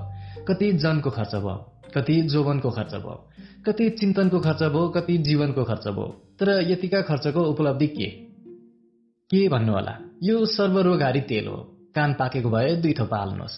आँखा दुखेको भए गाजलजै लगाउनुहोस्। भिरुङ्गी भएको छ भने मालिस गर्नुहोस्। चार दिनमा चमत्कार। चन्द्रलोक यात्रा चमत्कारै हो विज्ञानको। तर मानवता र विश्व शान्तिमा यसको के भूमिका होला? शान्ति सुस्थितिको सरदाम किन्न आएको? तपाईँ कता नि? आराम छ? अलि उता जाउँ बाटो पेल्ने मेसिन आयो। यी मेसिनहरू पनि आजकल दमकल दमकल। कहाँ दमकल हुन्थ्यो? घन्टीवाल गाई सागको मुठै लिएर दौडिएछ। उह साँडे पनि। कति आतिएर दौडादौड गरेका यी मान्छेहरू? मानौ यहाँ एउटा युद्ध नै आउँदैछ। हेर हेर उह उक्लियो। कस्तो छिलिएको साँडे यहाँ यस्तै भिड हुन्छ पर्यटक। यो काठमाडौँ सहरको मुटु हो असनको डबली। उह त्यो झ्यालको कला हेर्नुहोस् त कस्तो लाग्यो। मलाई त यो पाउडर राम्रो लागेन। बास्ना पनि कस्तो गल्ली गल्ली गनाउने छ्या दुई स्टिक लिपस्टिक दिनुहोस् त गुलाबी होइन फुस्रो चाहिँ। यी फुस्रा हिप्पीहरू आनन्द खोज्न आएका रे। गाँजा र रक्सीमा लट्ठिएर पाइने आनन्द पनि कुनै आनन्द हो। पख्नुहोस् न आनन्दजी म पनि हिँडिहालेँ। रानी पोखरीतिरबाट जाने होइन त। डुब्या रे रानी पोखरीमै हाम फालेछ। कसले फालेछ यो एल्बम हेर्नुहोस् हेर्नुहोस् कस्ता कस्ता तस्विर रहेछन्। ठिटीको हो कि ठिटाको? पैसा पनि छ कि? एक बरफको दस दस पैसा एक बरफको दस दस के यो डबलीमा टल्ल परेर उभिरहेको है मिस्टर? आस्थाको फाइल। संसार विभागका निर्देशक श्री ईश्वरदेव उमेरको हदम्याद पुगी खुसुवामा परे। खाइपाइ आएको आस्था अर्चनाको एक लक्षांश उनले निवृत्ति भरणको रूपमा पाउने भए। निर्देशकको पद खाली हुन साथ रोल मेरो भनी अन्धविश्वासले दावा गर्यो। धर्म धुमधुम्ती पर्यो कर्म कन्पारो कनाउन थाल्यो। भाग्यले भगवानको साक्य भाइ म हुँ भनी क्रिया खायो। ज्ञान गनगन गर्दै थियो। विज्ञानले सबैका दावी निराधार हुन् भनी एक एकको पर्दाफास गर्यो। बुद्धि खितित हाँसी विवेक त्वाल्ल पर्यो। भरेभन्दा संसार विभागको निर्देशकमा मान्छे स्वयं मनोनित घोषित भयो। आफू निर्देशक हुन साथ मान्छेले पाप धर्मको कानून संशोधन गरी नरक अड्डा खारेज गरिदियो। मान्छेलाई धेरै शासन दिएको अभियोगमा यमराज सस्पेन्ड भए अमृत र अप्सरामा लम्पट भएको अभियोगमा देवताहरू कार्यभार मुक्त भए। भाग्यको ठाउँमा पुरुषार्थ र अन्धविश्वासको ठाउँमा शिक्षा भर्ना भए। एउटा हातमा शक्तिको ड्रम अर्को हातमा एटम बम लिएर विज्ञान सल्लाहकार भयो मान्छेको। संसार विभागको हर्ताकर्ता स्वयं भएकोमा गजक्क फुली टेबुलमा थ्याच्च बसेर मान्छे गर्छ्यो। संसार विभागका सहायकीहरू को को छन्? लौ यहाँ आओ। मेच छँदा छँदै टेबुलमा बसेको निर्देशकलाई देख्दा मर्यादाले नमस्कारै नगरी मुन्टो बटारी मान्छेले उसलाई अनुशासन नभएकी बुढी भनी तुरुन्तै निकालिदियो। अर्की सहायिकाले थर र कामेरा हात जोड्दै भनी म नैतिकता हुँ। मान्छे च्याठिँदै गर्छ्यो यस्ती लुली सहायिका लिएर म यत्र विभाग चलाउन सक्छु? तेस्री सहायिका सद्भावनाले भनी म आफ्नो कार्यभारबाट राजीनामा गर्न चाहन्छु। मान्छेले मर्यादाको ठाउँमा उच्छृङ्खलतालाई नैतिकताको ठाउँमा स्वच्छन्दतालाई र सद्भावनाको ठाउँमा संकीर्णतालाई भर्ना गर्यो। पुनर्गठनपछि केही नयाँ ऐन बने। सत्ता शक्ति सम्पत्ति र विलासको साधनामा धेरैले सुविधा पाए। संसार विभागले सांसारिक विधिबन्धनहरूमा धेरै स्वतन्त्रता ल्यायो। तर अफसोच केही दिनपछि संसार विभागमा साह्रै गोलमाल चल्यो। कसैले कसैलाई टेर्न छाड्यो। विभागभित्रै अनाचार बेविचारहरू बढ्न थाले। रिस रिस भुत्ला भुत्ली र पिटापिट चल्न थाले। हत्या अपहत्या र आत्महत्याका टेलिफोन आउन थाले। विस्फोट युद्ध र महायुद्धका आकाशवाणी आउन थाले। मान्छे कहिले बौलाए जस्तो भई टेबुलमा उफ्रन्थ्यो कहिले झोकाए जस्तो गरी भुइँमा पसारिन्थ्यो। कहिले तमाम कर्मचारीहरूलाई भेला गरेर सोध्थ्यो आस्थाको फाइल खोइ? कहिले तमाम कर्मचारी उसँग सोध्थे विश्वासको फाइल खोइ? खोइ खोइको डाको भित्तामा ठोकिएर प्रतिध्वनि हुन्थ्यो खोइ खोइ